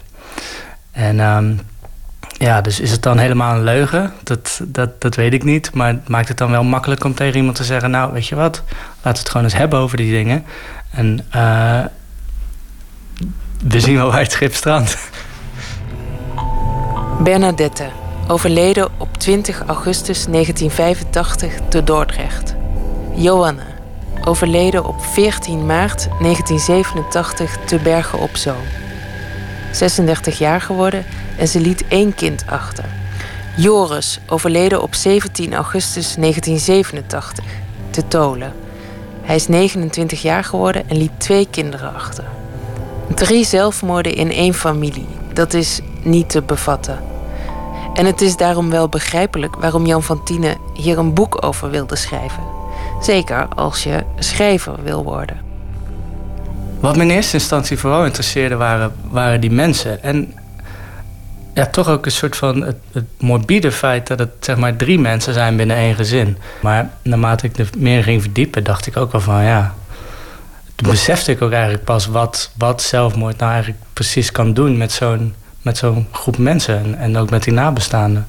En dat had ik me eigenlijk van tevoren helemaal niet eh, zo beseft. Hoe ben je daarmee omgegaan? Ja, met heel veel piekeren en voeten. En ik moet zeggen dat ik dat nog steeds eigenlijk heel moeilijk vind. Ja, ik weet niet, hoe ga je daarmee om? Ik, ja, uiteindelijk, het boek ligt er, dus ik heb de keuze gemaakt om het in ieder geval op te schrijven. Ja, dit, dit, dit, is soort, dit raakt aan de kern van, van waar ik de hele tijd... ook dat ik aan dit verhaal bezig was, mee, mee heb geworsteld, denk ik. Wat gek is, omdat het ook... Ja, dat, dat is ook best wel egoïstisch of zo. Omdat het dan heel erg over mezelf gaat. Ergens schrijft Jan van Tienen... Als ik schrijf voel ik schaamte. Per alinea, soms per zin, soms per woord. Ik ril als ik denk aan wie ik heb verteld dat ik een boek aan het schrijven ben over mijn familie. Een boek over mijn familie. Al die schaamte hoopt zich op, zet zich af op mijn gelaat, rond mijn mondhoeken. Uiteindelijk, hoe ik ermee om ben gegaan, hoop ik, is dat ik ehm, ja, toch met een soort eh, liefde en genegenheid heb proberen te schrijven. En, eh, en niet te veroordelend. Een goede vriend van is fotograaf, Boudewijn Bolman. En, ehm, en hij, zegt, ja, hij zegt, hij heeft een paar motto's. Eentje is verwondering boven veroordeling. En dat vind ik een mooie. En een andere, andere iets is wat hij zegt, is, eh, wat hij altijd benadrukt, is dat het eigenlijk om gaat hoe je met obstakels omgaat. En, eh, Je hebt eigenlijk alle obstakels opgeschreven. ja. ja, precies. Ja. Waarmee het ook een boek over schrijven is geworden. Eh, ja, dat zou je kunnen zeggen. En dat heb je net gezegd. Dus, Dus dan zal het wel kloppen. Ja. Boek van Joost Zwageman, eh, ja, de- door eigen hand. Dan eh, is hij gaan, spreken met schrijvers die over zelfmoord hebben geschreven. En, en hij, zegt dan, hij schrijft ergens op in het boek van dat hij dat niet, nooit zou hebben durven vragen als die mensen er niet zelf over hadden geschreven. Ja, ik, ik, ik vind dat, eh, ja, voor mij is dat ook een soort teken van, het is zo, zoiets groots en zoiets ehm, verschrikkelijks. Dat, dat je, daar kun je bijna niet heel erg lichtzinnig mee omgaan. Het is eh, dat je nu Joost Zwageman noemt. Ik heb tijdens het lezen heel vaak aan hem moeten denken. Omdat hij natuurlijk, eh, omdat zijn vader een eh, zelfmoordpoging heeft gedaan, heel graag wilde weten of dat ook effect op hem zou kunnen hebben. En nou ja, we weten natuurlijk nu hoe dat uiteindelijk afgelopen is. Maar ik kan me voorstellen dat dat voor jou ook een vraag is geweest. Ja, eh, dat, dat is wel een vraag geweest. Maar gek genoeg is het ook wel iets wat is... Een soort van... Dat besef hoe, hoe naar en aanstekelijk... een soort van zelfmoordneigingen zijn... Dat, dat kwam pas tijdens het uitzoeken... en met dat ik er veel mee bezig was. Maar ja, ik, ben niet het kind van een zelfmoordenaar. Maar het zit, ja, het is, dit, dit- er zit wel een soort genetische component aan, ja. Maar ben ik daar heel bang voor? Nou, weet ik niet, nee. Maar ik merk wel dat als je er veel mee bezig bent... en eh, veel over nadenkt, dat je er ook somber van wordt. En eh, ja, dat, dat, dat, dat merk je wel. Dus dat is wel eh, zorgwekkend ook. ja. Ja, hoe voel je je nu dan, nu het af is? Nou, ja, wel. eh, beter. het is niet zo van, oh, wat een opluchting, het boek is af. Het is ook. Ja, het, voelt ook bijna alsof, alsof, ik, alsof er nu dan bijna een soort helingsproces moet gaan plaatsvinden met, eh, met sommige mensen. Ja. Terwijl je, eh, voor mijn gevoel, eh, misschien is dat ook juist wel heel mooi en gaat het boek daar misschien ook wel over. Maar je bent niet all the way gegaan. Ik, ik denk dat ik begrijp wat je bedoelt. En ik, Misschien voor de luisteraars dan met all the way bedoel ik, je hebt niet aan alle mensen alle vragen gesteld. Je, je bent ook in omtrekkende bewegingen rondom dat verhaal blijven gaan. Ja, dat klopt. Kijk, ik, ik, heb zo, ik heb ook wel het gevoel dat bijvoorbeeld die, die mensen op, naar wie ik naar op zoek was, dat ik daar ook een soort van in het begin de, de, de, de, de innerlijke levens van zou willen achterhalen. Nou, dat, dat, is, ja, dat is eigenlijk gewoon niet gebeurd. Daar, ben ik, daar heb ik helemaal niet aan geraakt. En op een gegeven moment dacht ik van ja, heel vaak waren die ontmoetingen zelf, vond ik die heel mooi. En, en ja, een soort moment wat ik dan kon delen met, met mensen. En ja, kleine details van, van de menselijke omgang. En daardoor dacht ik van ja, dan eigenlijk vind ik dat nu mooi. En dan, als ik dat opschrijf, dan ontstaat er denk ik ook vanzelf wel een soort beeld van het gezin. Maar zonder dat ik dat heel erg openbreek. tragicomische misvatting misschien... is dat ik dacht van nou, als ik nou gewoon maar vragen ga stellen aan iedereen... en op die manier mensen bij elkaar krijg... dan dacht nou, dat is misschien voor iedereen juist wel een opluchting. En het is prettig om daarover te praten. En, eh, maar dat, ja, dat is dus verder van de waarheid. Maar wat ik uiteindelijk wel heb, is dat ik veel dichter bij um, in één tante ben gekomen. En, uh, en een hoop mensen ook uh, beter heb leren kennen. En en dan toch aandacht aan heb besteed. En toch heb opgemerkt.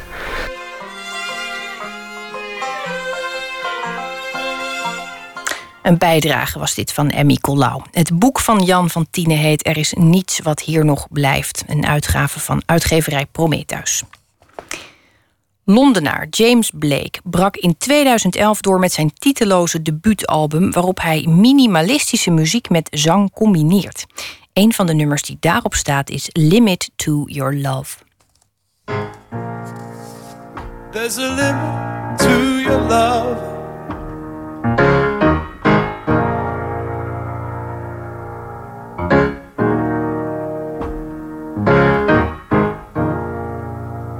Like a waterfall in slow motion.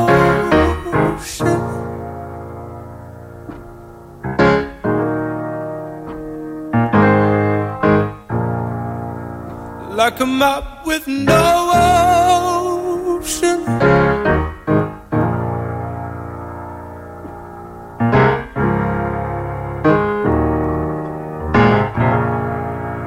There's a limit to your love, your love, your love, your love.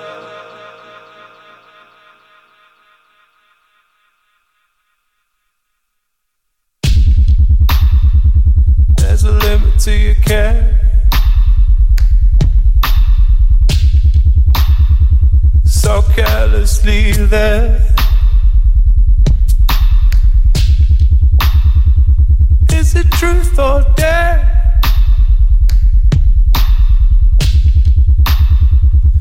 There's a limit to your care. There's a limit to your love. like a waterfall in slow motion, like a map with no ocean. There's a limit to your love, your love, your love, your love. There's a limit to your care. so carelessly there. Is it truth or dare?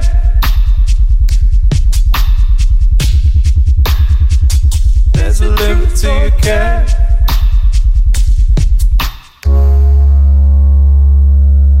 There's a limit to your care.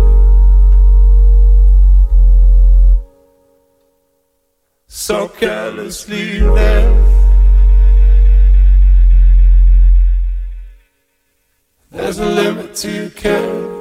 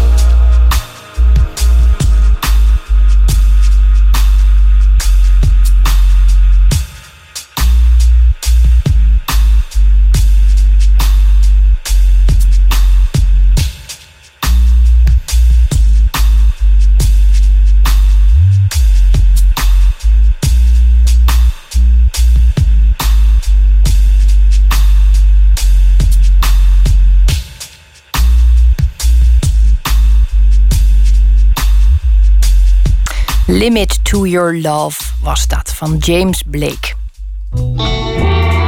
Nooit meer slapen. Vandaag werd bekend dat twee grote Amerikaanse filmproducenten een film willen maken over het Volkswagen-schandaal. De producenten hebben de rechten gekocht van een boek over Dieselgate, dat de journalist Jack Ewing van de New York Times erover gaat schrijven. Nachtcorrespondent Botte Jellema weet er meer van. Botte, goedenacht. Goedenacht. Hey, er worden heel vaak natuurlijk filmrechten eh, verkocht. Wat maakt dit geval zo bijzonder? Nou, dat, eh, daar zijn twee redenen voor. De ene is dat productiemaatschappij Paramount eh, dat heeft gedaan. Een van de twee is die het doet. En de tweede reden is da- dat het uh, Appian Way de, de andere is. De eerste is natuurlijk een van de grootste van Hollywood. We kennen het allemaal. De tweede kennen we niet. Maar dat is de productiemaatschappij van Leonardo DiCaprio. Dat is natuurlijk de acteur die we van veel films eh, eh, wel kennen. Maar hij is ook eh, een zeer geëngageerd filmmaker. Hij was bijvoorbeeld de hoofdrolspeler en de producent van The Wolf of Wall Street. Die film over die malafide beursmakelaar, Jordan Belfort. En ja, hij staat in Hollywood ook bekend als milieuactivist. Dus als zo iemand over dit onderwerp een film gaat maken, dan kijken we even op. Ja, nou, dus het vergroot in ieder geval de kansen dat die film er ook echt komt. Dat is ook niet altijd het geval. Hoe zou je zoiets dan aan moeten pakken in dit eh, verband? Nou ja, dan- daar zou je even over moeten nadenken inderdaad. Want in tegenstelling tot de Wolf of Wall Street is er hier niet echt een innemend hoofdpersoon. Zoals eh, die, eh, die Bel Eh, of ja, of boef, zo je wil. Innemende boef kan natuurlijk ook. Eh, en het moet natuurlijk wel een interessante film worden. Het, zou misschien die Volkswagenbaas eh, Martin Winterkorn kunnen zijn. Maar hoe dramatisch dat verhaal, het verhaal van Volkswagen ook is, het, het lijkt, deze man lijkt toch een tikje aan de saaie kant om echt een innemende boef te kunnen worden. Daarom ben ik vandaag dus eventjes in de telefoon geklommen. Even kijken of dit wat kan worden met deze film. Ja, want ik neem toch aan dat je om te beginnen een goed scenario nodig hebt. En dat, dat boek is er nog helemaal niet. Dus, dus eigenlijk weten we alleen maar dat er nieuws is geweest over het schandaal. Ja, meer weten we eigenlijk in eerste instantie nog niet. Dus belde ik eventjes met scenario-schrijver Frank Ketelaar. Hij schreef ooit het scenario voor die televisieserie De Prooi. Eh, en hij vindt het schandaal, dit Volkswagen-schandaal, er in ieder geval interessant genoeg voor. Je wilt altijd een verhaal maken of drama maken of films maken over eh, grote belangrijke dingen. Het is niet voor niks dat in James Bond altijd eh, de wereld eh, op punt van de vernietigen staat. Maar hier heb je natuurlijk een schandaal dat geloof ik de Duitse economie zo'n beetje zou kunnen vernietigen. En, en, en daarmee zelfs half Europa in zo'n val mee zou kunnen slepen. Dus dat is natuurlijk voor drama waanzinnig eh, Nee, episch is het dus al. eh, en heel lang dat last heeft van gerommel met software. elke vorm van oplichting is altijd leuk, is altijd spannend. En, eh, bijvoorbeeld ook inderdaad die, die film The Wolf of Wall Street van zelf. Dat was natuurlijk een en al oplichterij en falsificatie en fraude. En dat was, eh, ja, dat zijn gewoon ontzettend leuke dingen om naar te kijken. Ook omdat het natuurlijk van alles blootlegt over de menselijke natuur. Ja, de menselijke natuur. Nou, en dat willen we natuurlijk zien. Frank Ketelaar die ziet nog wel een probleem met wat je dan uiteindelijk in beeld kan brengen. Daarom eh, neem ik je nog even wat verder mee de materie van het Volkswagen-schandaal in. Ik heb even gebeld met schrijver en journalist Bast van Putten. Die is eh, bekend van zijn autocolumns in NRC Handelsblad. En die is daarin eigenlijk ook al jaren kritisch over Volkswagen. Hij vindt het idee van een film dan ook interessant. Omdat ehm, ik altijd al het gevoel had dat daar een gigantisch verhaal in zat. Dit klinkt weer een beetje complottheorieachtig, maar ik heb al langer hè, als, als dat je, eh, observator langs de zijlijn het gevoel dat dat een, eh, een, een delicaat concern was. Hè? Omdat als je kijkt naar de bedrijfsvoering, hè, ze hebben wel elektrische auto's, ze hebben nu hybrides en dergelijke. Maar het Volkswagen-concern als geheel, hè, dat waarhuis van gigantische hoeveelheid merken, dat werd op een buitengewoon conservatieve manier verwijkt. Ja, het bedrijf zit ingewikkeld in elkaar. Zet Bas met al die merken die je hebt. Hè. Dus, eh, Porsche hoort erbij, eh, Audi natuurlijk. Nou, zo heb je nog wat. Eh, en wordt, eh, het bedrijf wordt eigenlijk veel te conservatief eh, geleid om die enorme veranderingen die deze tijd vraagt. Hè. Het vraagt natuurlijk om scherpere milieu, de, de doelstellingen, om dat aan te kunnen. Nou, ondertussen zit die software, waar dit hele verhaal op gebaseerd is, dus in zo'n 11 miljoen auto's van dat concern. En dat laat zien hoe kwetsbaar dit bedrijf eigenlijk is, zegt Bas van Putten. Maar als het inderdaad het persoonlijke drama is van, eh, van, van, een, van, een, van een paar whiskers die een oplossing hebben bedacht voor een probleem dat de concern ten val had kunnen brengen. eh, al dan niet met medeweten van eh, de raad van bestuur. Ja, dan heb je een drama. Natuurlijk heb je dan een drama. Ja, dat, dat klinkt natuurlijk ook heel episch. Bas van Putten zegt hier van ja, stel dat je een klein clubje mensen hebt die, die het proberen om het voorbestaan van dat bedrijf van Volkswagen te garanderen. En dan gaan ze de boel belazeren. En dat dan heel bedrijf daarna vervolgens over struikelt. Nou ja, dan heb je wel een film. Ja, een, een episch drama met oplichting, dat is dus al binnen. Maar eh, hoe breng je bijvoorbeeld die eh, frauduleuze software dan interessant in beeld? Ja, nou dat is natuurlijk een groot probleem. En daarom heb ik ook even gebeld met een daadwerkelijke filmproducent. En eh, met een beetje met het idee van hoe zouden zij reageren als ze dit op hun bureau zouden krijgen. Eh, ik belde met Lemming Films, eh, met producent Dirk-Jan Warink. Hij is de producent geweest van films als Bloed, Zweet en Tranen over André Hazes. En Boy 7, dat was een film over een hacker. Ook iets met software, dacht ik. Dacht ik. Dus ja, ik ben wel benieuwd eh, hoe hij er dan over denkt. Hoe maak je eh, iets filmisch van iets computerachtigs? Hoe maak je dat interessant? Vroeg ik aan Dirk-Jan. Wat je dan vervolgens gaat doen is kijken wat is de emotie achter die software, wie heeft dat geprogrammeerd en eh, wat is het idee daarachter en wat willen ze er precies mee bereiken. Ehm, dus je gaat eigenlijk eh, altijd in de technologie toch weer de emotie opzoeken. En hierin is dat natuurlijk een ontzettend eh, financieel motief geweest, denk ik. Ehm, want ze konden meer auto's verkopen in Amerika doordat ze beter door de testen kwamen. En dat is nou niet direct heel erg sexy, zou ik zeggen. Maar ehm, ja, het, het, het lijkt mij nog best lastig hoor, om hier een goede, goede hoek in te vinden. Nou ja, in Martin Winterkorn zag hij ook niet echt een hoofdpersoon. Omdat je hem ja, niet wil zijn, eh, zal ik maar zeggen. Je moet je toch een beetje identificeren met hoofdpersonen in films. Dus eh, ehm, ja, wie kan dan de held worden, vroeg ik aan eh, Dirk-Jan Warink. Niet de schrijvers van de software. De held zou hem toch dan meer zitten, denk ik, in de jongens die erachter zijn gekomen. ehm, dat dit gebeurt. Nou, meen ik mij te herinneren dat er een soort bureautjes die al vier of drie of vier jaar geleden dit heeft aangetoond dat dit gebeurt. ehm, en dat dat nooit echt is opgepikt. Dan weet ik daar ook niet het fijne van. Maar ik kan me voorstellen dat dat een interessant perspectief zou zijn. Van die jongens die strijden tegen zo'n groot bedrijf. Maar natuurlijk eh, via allemaal eh, lawyers en ehm, eh, nou ja, advocaten worden tegengehouden. Om uiteindelijk ook dat, dat bedrijf lek te prikken. Ja, dus een klein, moet je je voorstellen, dan zie je zo- zo- zo'n beginshot van een klein garagetje. Ergens op het grote platte, Duitse platteland van, eh, nou ja, Massachusetts, ik zeg maar even wat. Ontdekken twee jonge autotechnici het schandaal dat het faillissement betekende van het één na grootste autobedrijf van de wereld. Ja, Botte, het zou zomaar een ontzettend interessante film kunnen worden. Ja. Mij heb je mee. Ehm, heb jij zelf al eh, eh, eh, dromen of, of misschien heb je wel geruchten opgevangen over hoofdrolspelers... of is dat stadium echt nog helemaal niet in zicht? Nee, dat, daar, daar is eigenlijk nog helemaal niks over bekend. Zelfs dat boek, dat moet er nog komen. van die, even kijken, hoe heette die man ook weer? Van... ehm, Jack Ewing. Ja, Jack Ewing inderdaad. Die, die moet het nog schrijven. Dat is een New York Times eh, journalist die in Frankfurt zit. Dus eh, voordat we denken van ja, die Amerikanen gaan het allemaal eens eventjes over Europa weer schrijven. Hij zit hier in Europa, dus hij kan echt wel heel dicht bij die fabrieken komen en zo. Hij moet dat boek eerst maar eens een keertje schrijven. Dat kan natuurlijk zomaar ook nog een behoorlijke tijd eh, in beslag nemen. En ja, dan kan er dus over een scenario nagedacht worden. En dan kan er dus over een hoofdrol nagedacht worden. Maar Leonardo DiCaprio zit er nu natuurlijk al in. Hij heeft een groot hart voor klimaat. Dus ja, het, het zou zomaar kunnen zijn dat hij daar iets over zou willen zeggen. Zoals hij ook met Wolf of Wall Street een, eh, een statement innam. eh eigenlijk door, door die man eh, te spelen. Dat zou best een, een interessante manier kunnen worden waarop Hollywood, Hollywood zo'n onderwerp aan de kaak kan stellen. Ja, jij noemde hem net al een eh, geëngageerd filmmaker. Dat is ook niet iets wat nou ontzettend eh, voor het oprapen ligt... kan ik me voorstellen in Hollywood. Mhm. Jij denkt wel dat het bij hem in goede handen is?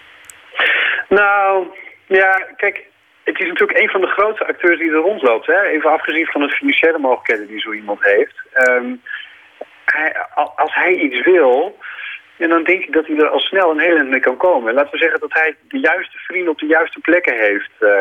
Schat ik zo in. Ik bedoel, ik ben geen, ik, ik ben geen bekende van hem of zo, maar dat, dat vermoed ik zo. Maar als je eenmaal een Leonardo, Leonardo DiCaprio bent, met alles wat hij heeft gedaan, van Baz Luhrmann tot aan eh, eh, de, de, de ja, wat was het, de Titanic film en, en noem het allemaal maar op. Eh, de, de Aviator ook nog, dat soort films. Ja, dan ken, je, dan ken je toch wel aardig wat mensen die op de juiste plekken zouden moeten zitten. Dus ja, daarom zei ik in het begin al, van als je hier naar kijkt, dat hij erbij is betrokken, dat, eh, nou, dat geeft het al goede kaarten, laten we het zo zeggen. Botte, we gaan het samen met jou afwachten. En eh, ik dank je heel hartelijk voor je bijdrage. Ik ben erg benieuwd. Ja, ik ook. Kort na het uiteenvallen van de mama's en de papa's in 68 kwam zangeres Cass Elliot al snel met een soloalbum op de proppen. Met de titel Dream a Little Dream. En daarvan draaien wij het titelnummer.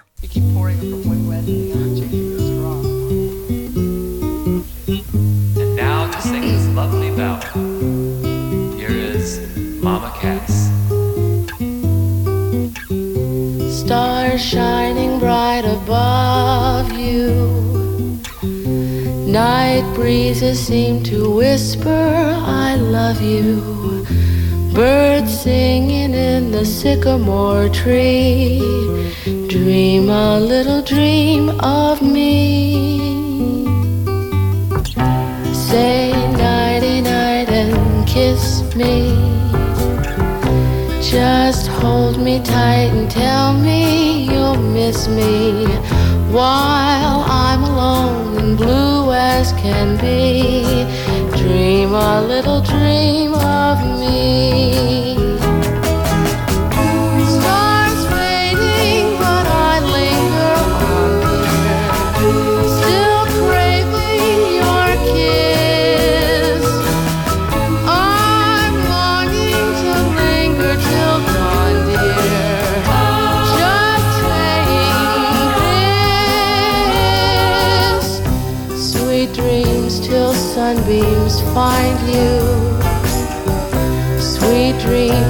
That leave all worries behind you.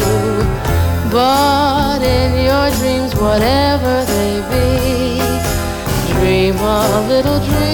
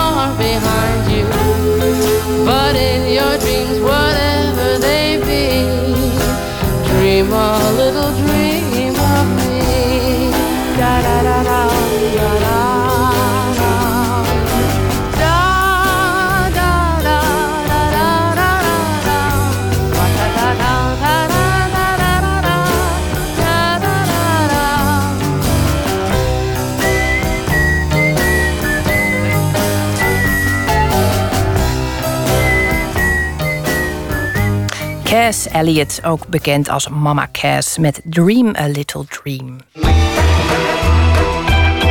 Nooit meer slapen.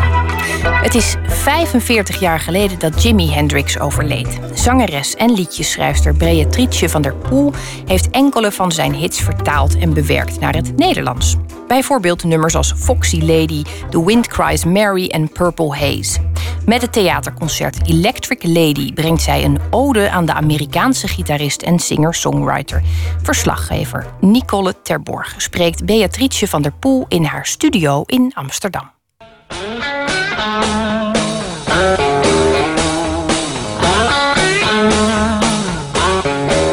Volgens mij was ik een jaar of 17, 18. En ik was op bezoek bij een, een, muzikant, gitarist uit België. Er was toen de tijd een vrij bekende producer, gitarist van de band TC Matic. En hij gaf me eigenlijk een spoedcursus muziek. Want ik, ik was eigenlijk opgegroeid met ja, new wave, punk en wat oude jazz. Dat was wat er bij ons thuis in huis stond. En Beatles, dat was het. Het eerste wat hij deed toen ik daar op visite kwam... was muziek laten horen. En dit en dat. En hij kwam met een video van Hendrix.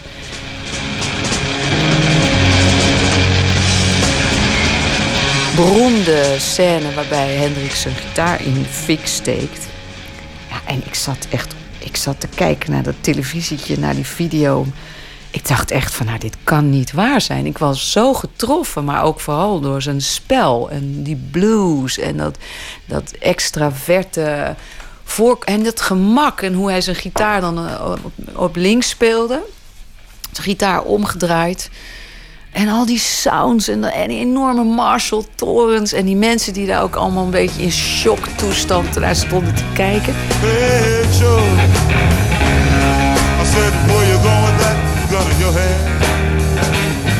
En dat was een opname uit 1967 of zo, weet je wel. Ik, had echt, wist niet wat me overkwam. Ik dacht, nou, dit is revolutionair. Want eigenlijk alle popmuziek borduurt daar eigenlijk weer op verder. En rockmuziek van nu. Nog steeds is Jimi Hendrix, zeg maar, het grote voorbeeld.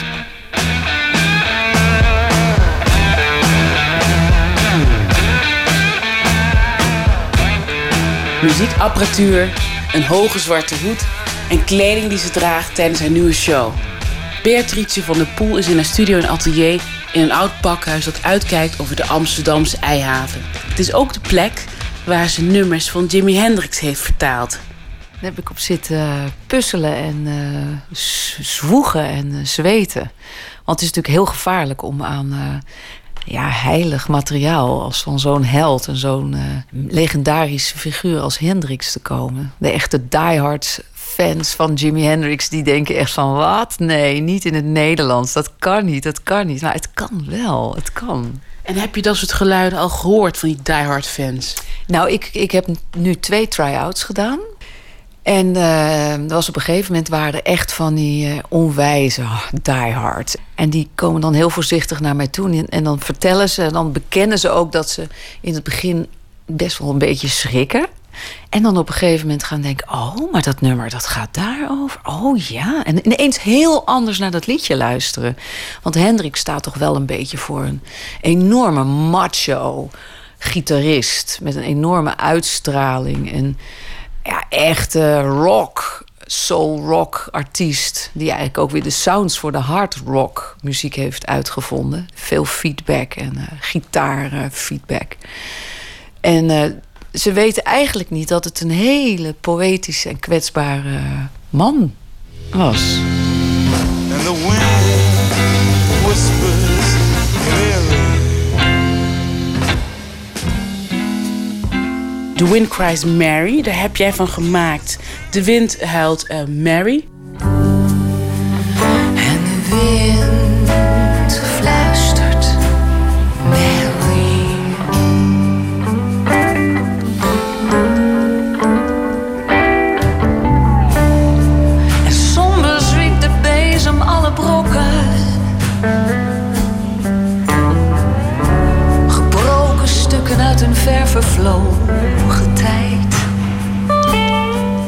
En ergens huilt een vrouw en is vertrokken. En de koning is zijn liefje kwijt. Ik ben ehm, begonnen met een hele grove vertaling. Bekijken welke woorden van belang waren. Toen ben ik heel veel gaan zoeken naar synoniemen. En vooral heel erg op klank. Zit bijvoorbeeld eh, het laatste refrein is Will the wind ever remember the names it has blown in the past. Past. Dat heb ik vertaal, vertaald dus Will the wind ever remember? Wil de wind het nog wel weten? Dus het moet metrisch kloppen.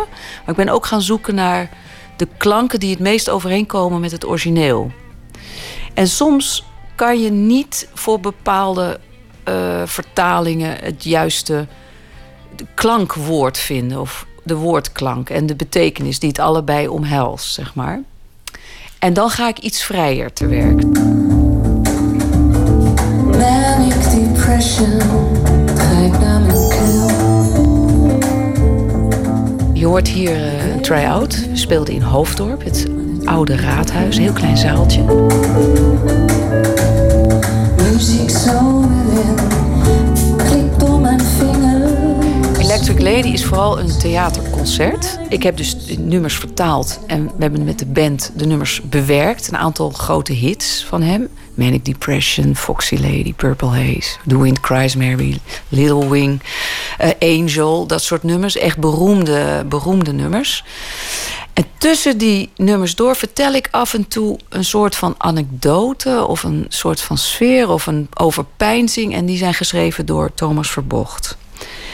En ik noem het zelf backstage stories. Er zit bijvoorbeeld een eh, beschrijving van een LSD-trip in. Of eh, wat er gebeurde backstage in de kleedkamer bij Jimmy.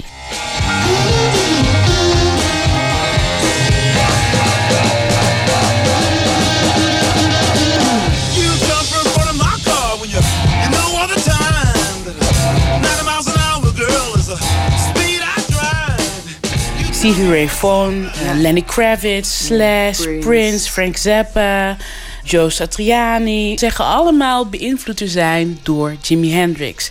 Wat is zijn betekenis geweest voor de muziek?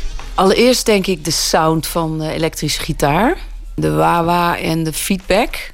Want volgens mij bestond dat daarvoor nog niet. Hij is in 66 naar Londen gekomen. Ehm, en is daar eigenlijk ontdekt door de Stones en door Eric Clapton. Ik heb ook ergens gelezen dat Eric Clapton gewoon eigenlijk helemaal, in, eh, helemaal hysterisch werd. Ik dacht echt van, nou, die man die moet weg, want eh, hij, hij- het is concurrentie, grote concurrentie. Maar ik denk dat hij voor de popmuziek en rockmuziek echt de sound en, en dat losse manier van, van spelen heeft eh, uitgevonden. Jimi Hendrix maakte een connectie tussen meerdere eh, muziekstromen. Hij lonkte naar de jazz, naar de soul, naar de blues en naar de rock. Vanwege die sounds. Hij, heeft, eh, hij, hij was de, de ontdekker van de hard rock sound, zeg maar. En dat maakt hem eh, nog steeds van invloed op de hedendaagse muziek.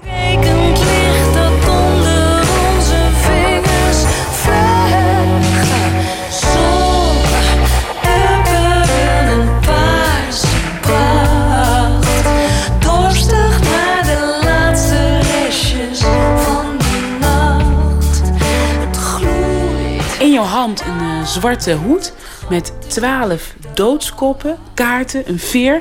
En daarachter zie ik iets wat Jimi Hendrix volgens mij aangehad zou kunnen hebben. Een lange jas van de schouder tot aan eh, de kuiten. eh, kant en aan de, aan de rand daarvan allemaal zwarte veren. Hanenveren. Hanenveren. Ja, ik weet niet of Hendrix dit zou dragen. Want die zou eigenlijk meer dit jasje dragen. Dat Ja? is zo'n eh, zo'n admiraalsjasje. Ik weet niet, dat Ja, ik zie vind je het ook wel Jamie. Maar goed, Ja. eh, Ja, we hebben natuurlijk wel een beetje in stijl zijn we wel eh, gaan zoeken naar goede kleding voor. Maar die, die jas die gebruik ik om, om, om het concert te openen als een soort voodoo-meesteres of priesteres. En dan eh, maak ik, spreek ik een spreuk uit dat Jimmy tot leven komt. En, gebeurt er ook wat met jou zodra ja, je ik, dat ben, doet? ik ben een beetje eng dan. Word je Jimmy? Ja, nou ja, hij, hij komt wel tot mij. Ja, ik voel wel dat hij tot mij komt. And so castles made of sand fall in the sea eventually. Wat ik nu heel gaaf vind, is Castles Made of Sand. Ons kasteel gemaakt van zand drijft mee met de golven van de zee. En een heel mooi liedje. Heel rare tekst. Vier hoofdstukken waarbij hij volgens mij gewoon zijn leven beschrijft. Ik kan er wel een stukje van laten horen. Op een gegeven moment beschrijft hij ook de dood van zijn moeder. Een beetje, niet zoals het is gegaan, maar zijn moeder zit er ook in. Jimmy had een moedercomplex. Daarvan zijn Thomas Verbocht en ik van overtuigd. Zijn, zijn moeder is heel, op heel jonge leeftijd overleden. Hij was heel jong en zij komt heel vaak terug in liedjes. Als een engel. Angel is, een- is, gaat gewoon over zijn moeder. Zij, verschijnt aan zijn bed. Hij, hij zingt haar toe. Hij, eh, eh, zij is letterlijk zijn beschermengel. Maar er zit bijvoorbeeld in Castles Made of Sand zit ook zo'n couplet gaat over zijn moeder, de dood van zijn moeder. Gouden schip of langzaam verre vaart, al maar verre vaart. Ons kasteel gemaakt van zand.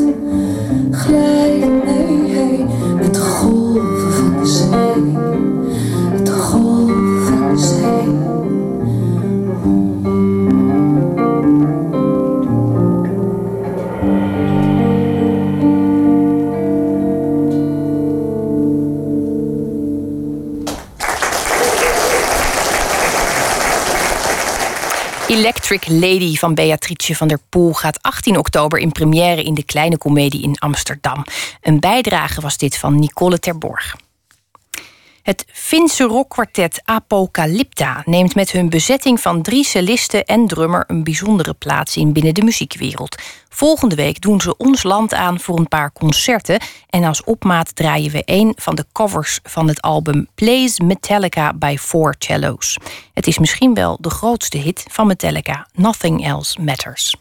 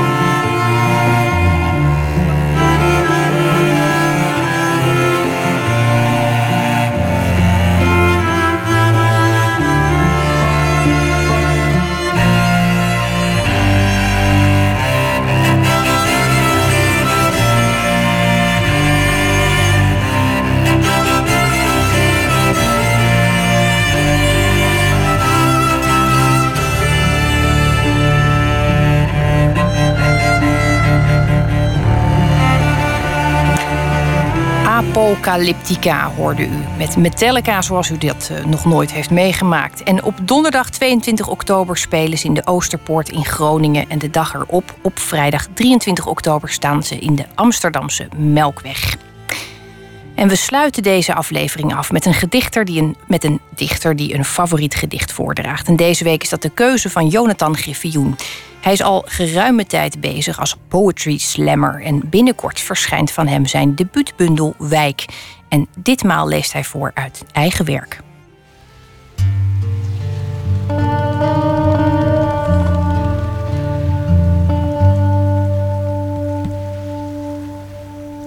Eh, wat ik vanavond voor ga lezen eh, komt uit mijn eh, debuutbundel. Die zal in het najaar verschijnen bij uitgeverij Lebowski. En ik heb mijn bundel eh, vormgegeven als een, eh, als een verhaal. Dus het was lastig om er één gedicht uit te kiezen dat eh, op zichzelf kan blijven staan. Maar het is, het is me toch gelukt. Mike was ervan overtuigd dat je met een schommel kon ontsnappen. Dat je er gewoon doorheen kunt springen zonder iets te raken. Als je de kettingen maar loslaat voor het dode punt. We bleven nog een tijdje om het gat in de lucht te bekijken. Het zitje is scheef om de schommel geslagen en wiegt een schaduw over onze tandafdrukken in het zand. Misschien komt er een pincet doorheen om hier alles opnieuw in te delen. Jonathan Griffioen hoorde u met een titeloos gedicht. Tot slot nog iets over morgen. Dan komt actrice en zangeres Jelka van Houten langs. U kent haar ongetwijfeld van tv of musicals. Dat eh, morgen, dan gaan we het hebben over haar zangcarrière. Ik ben er dan ook en ik hoop u ook. Voor nu wens ik u een hele mooie nacht.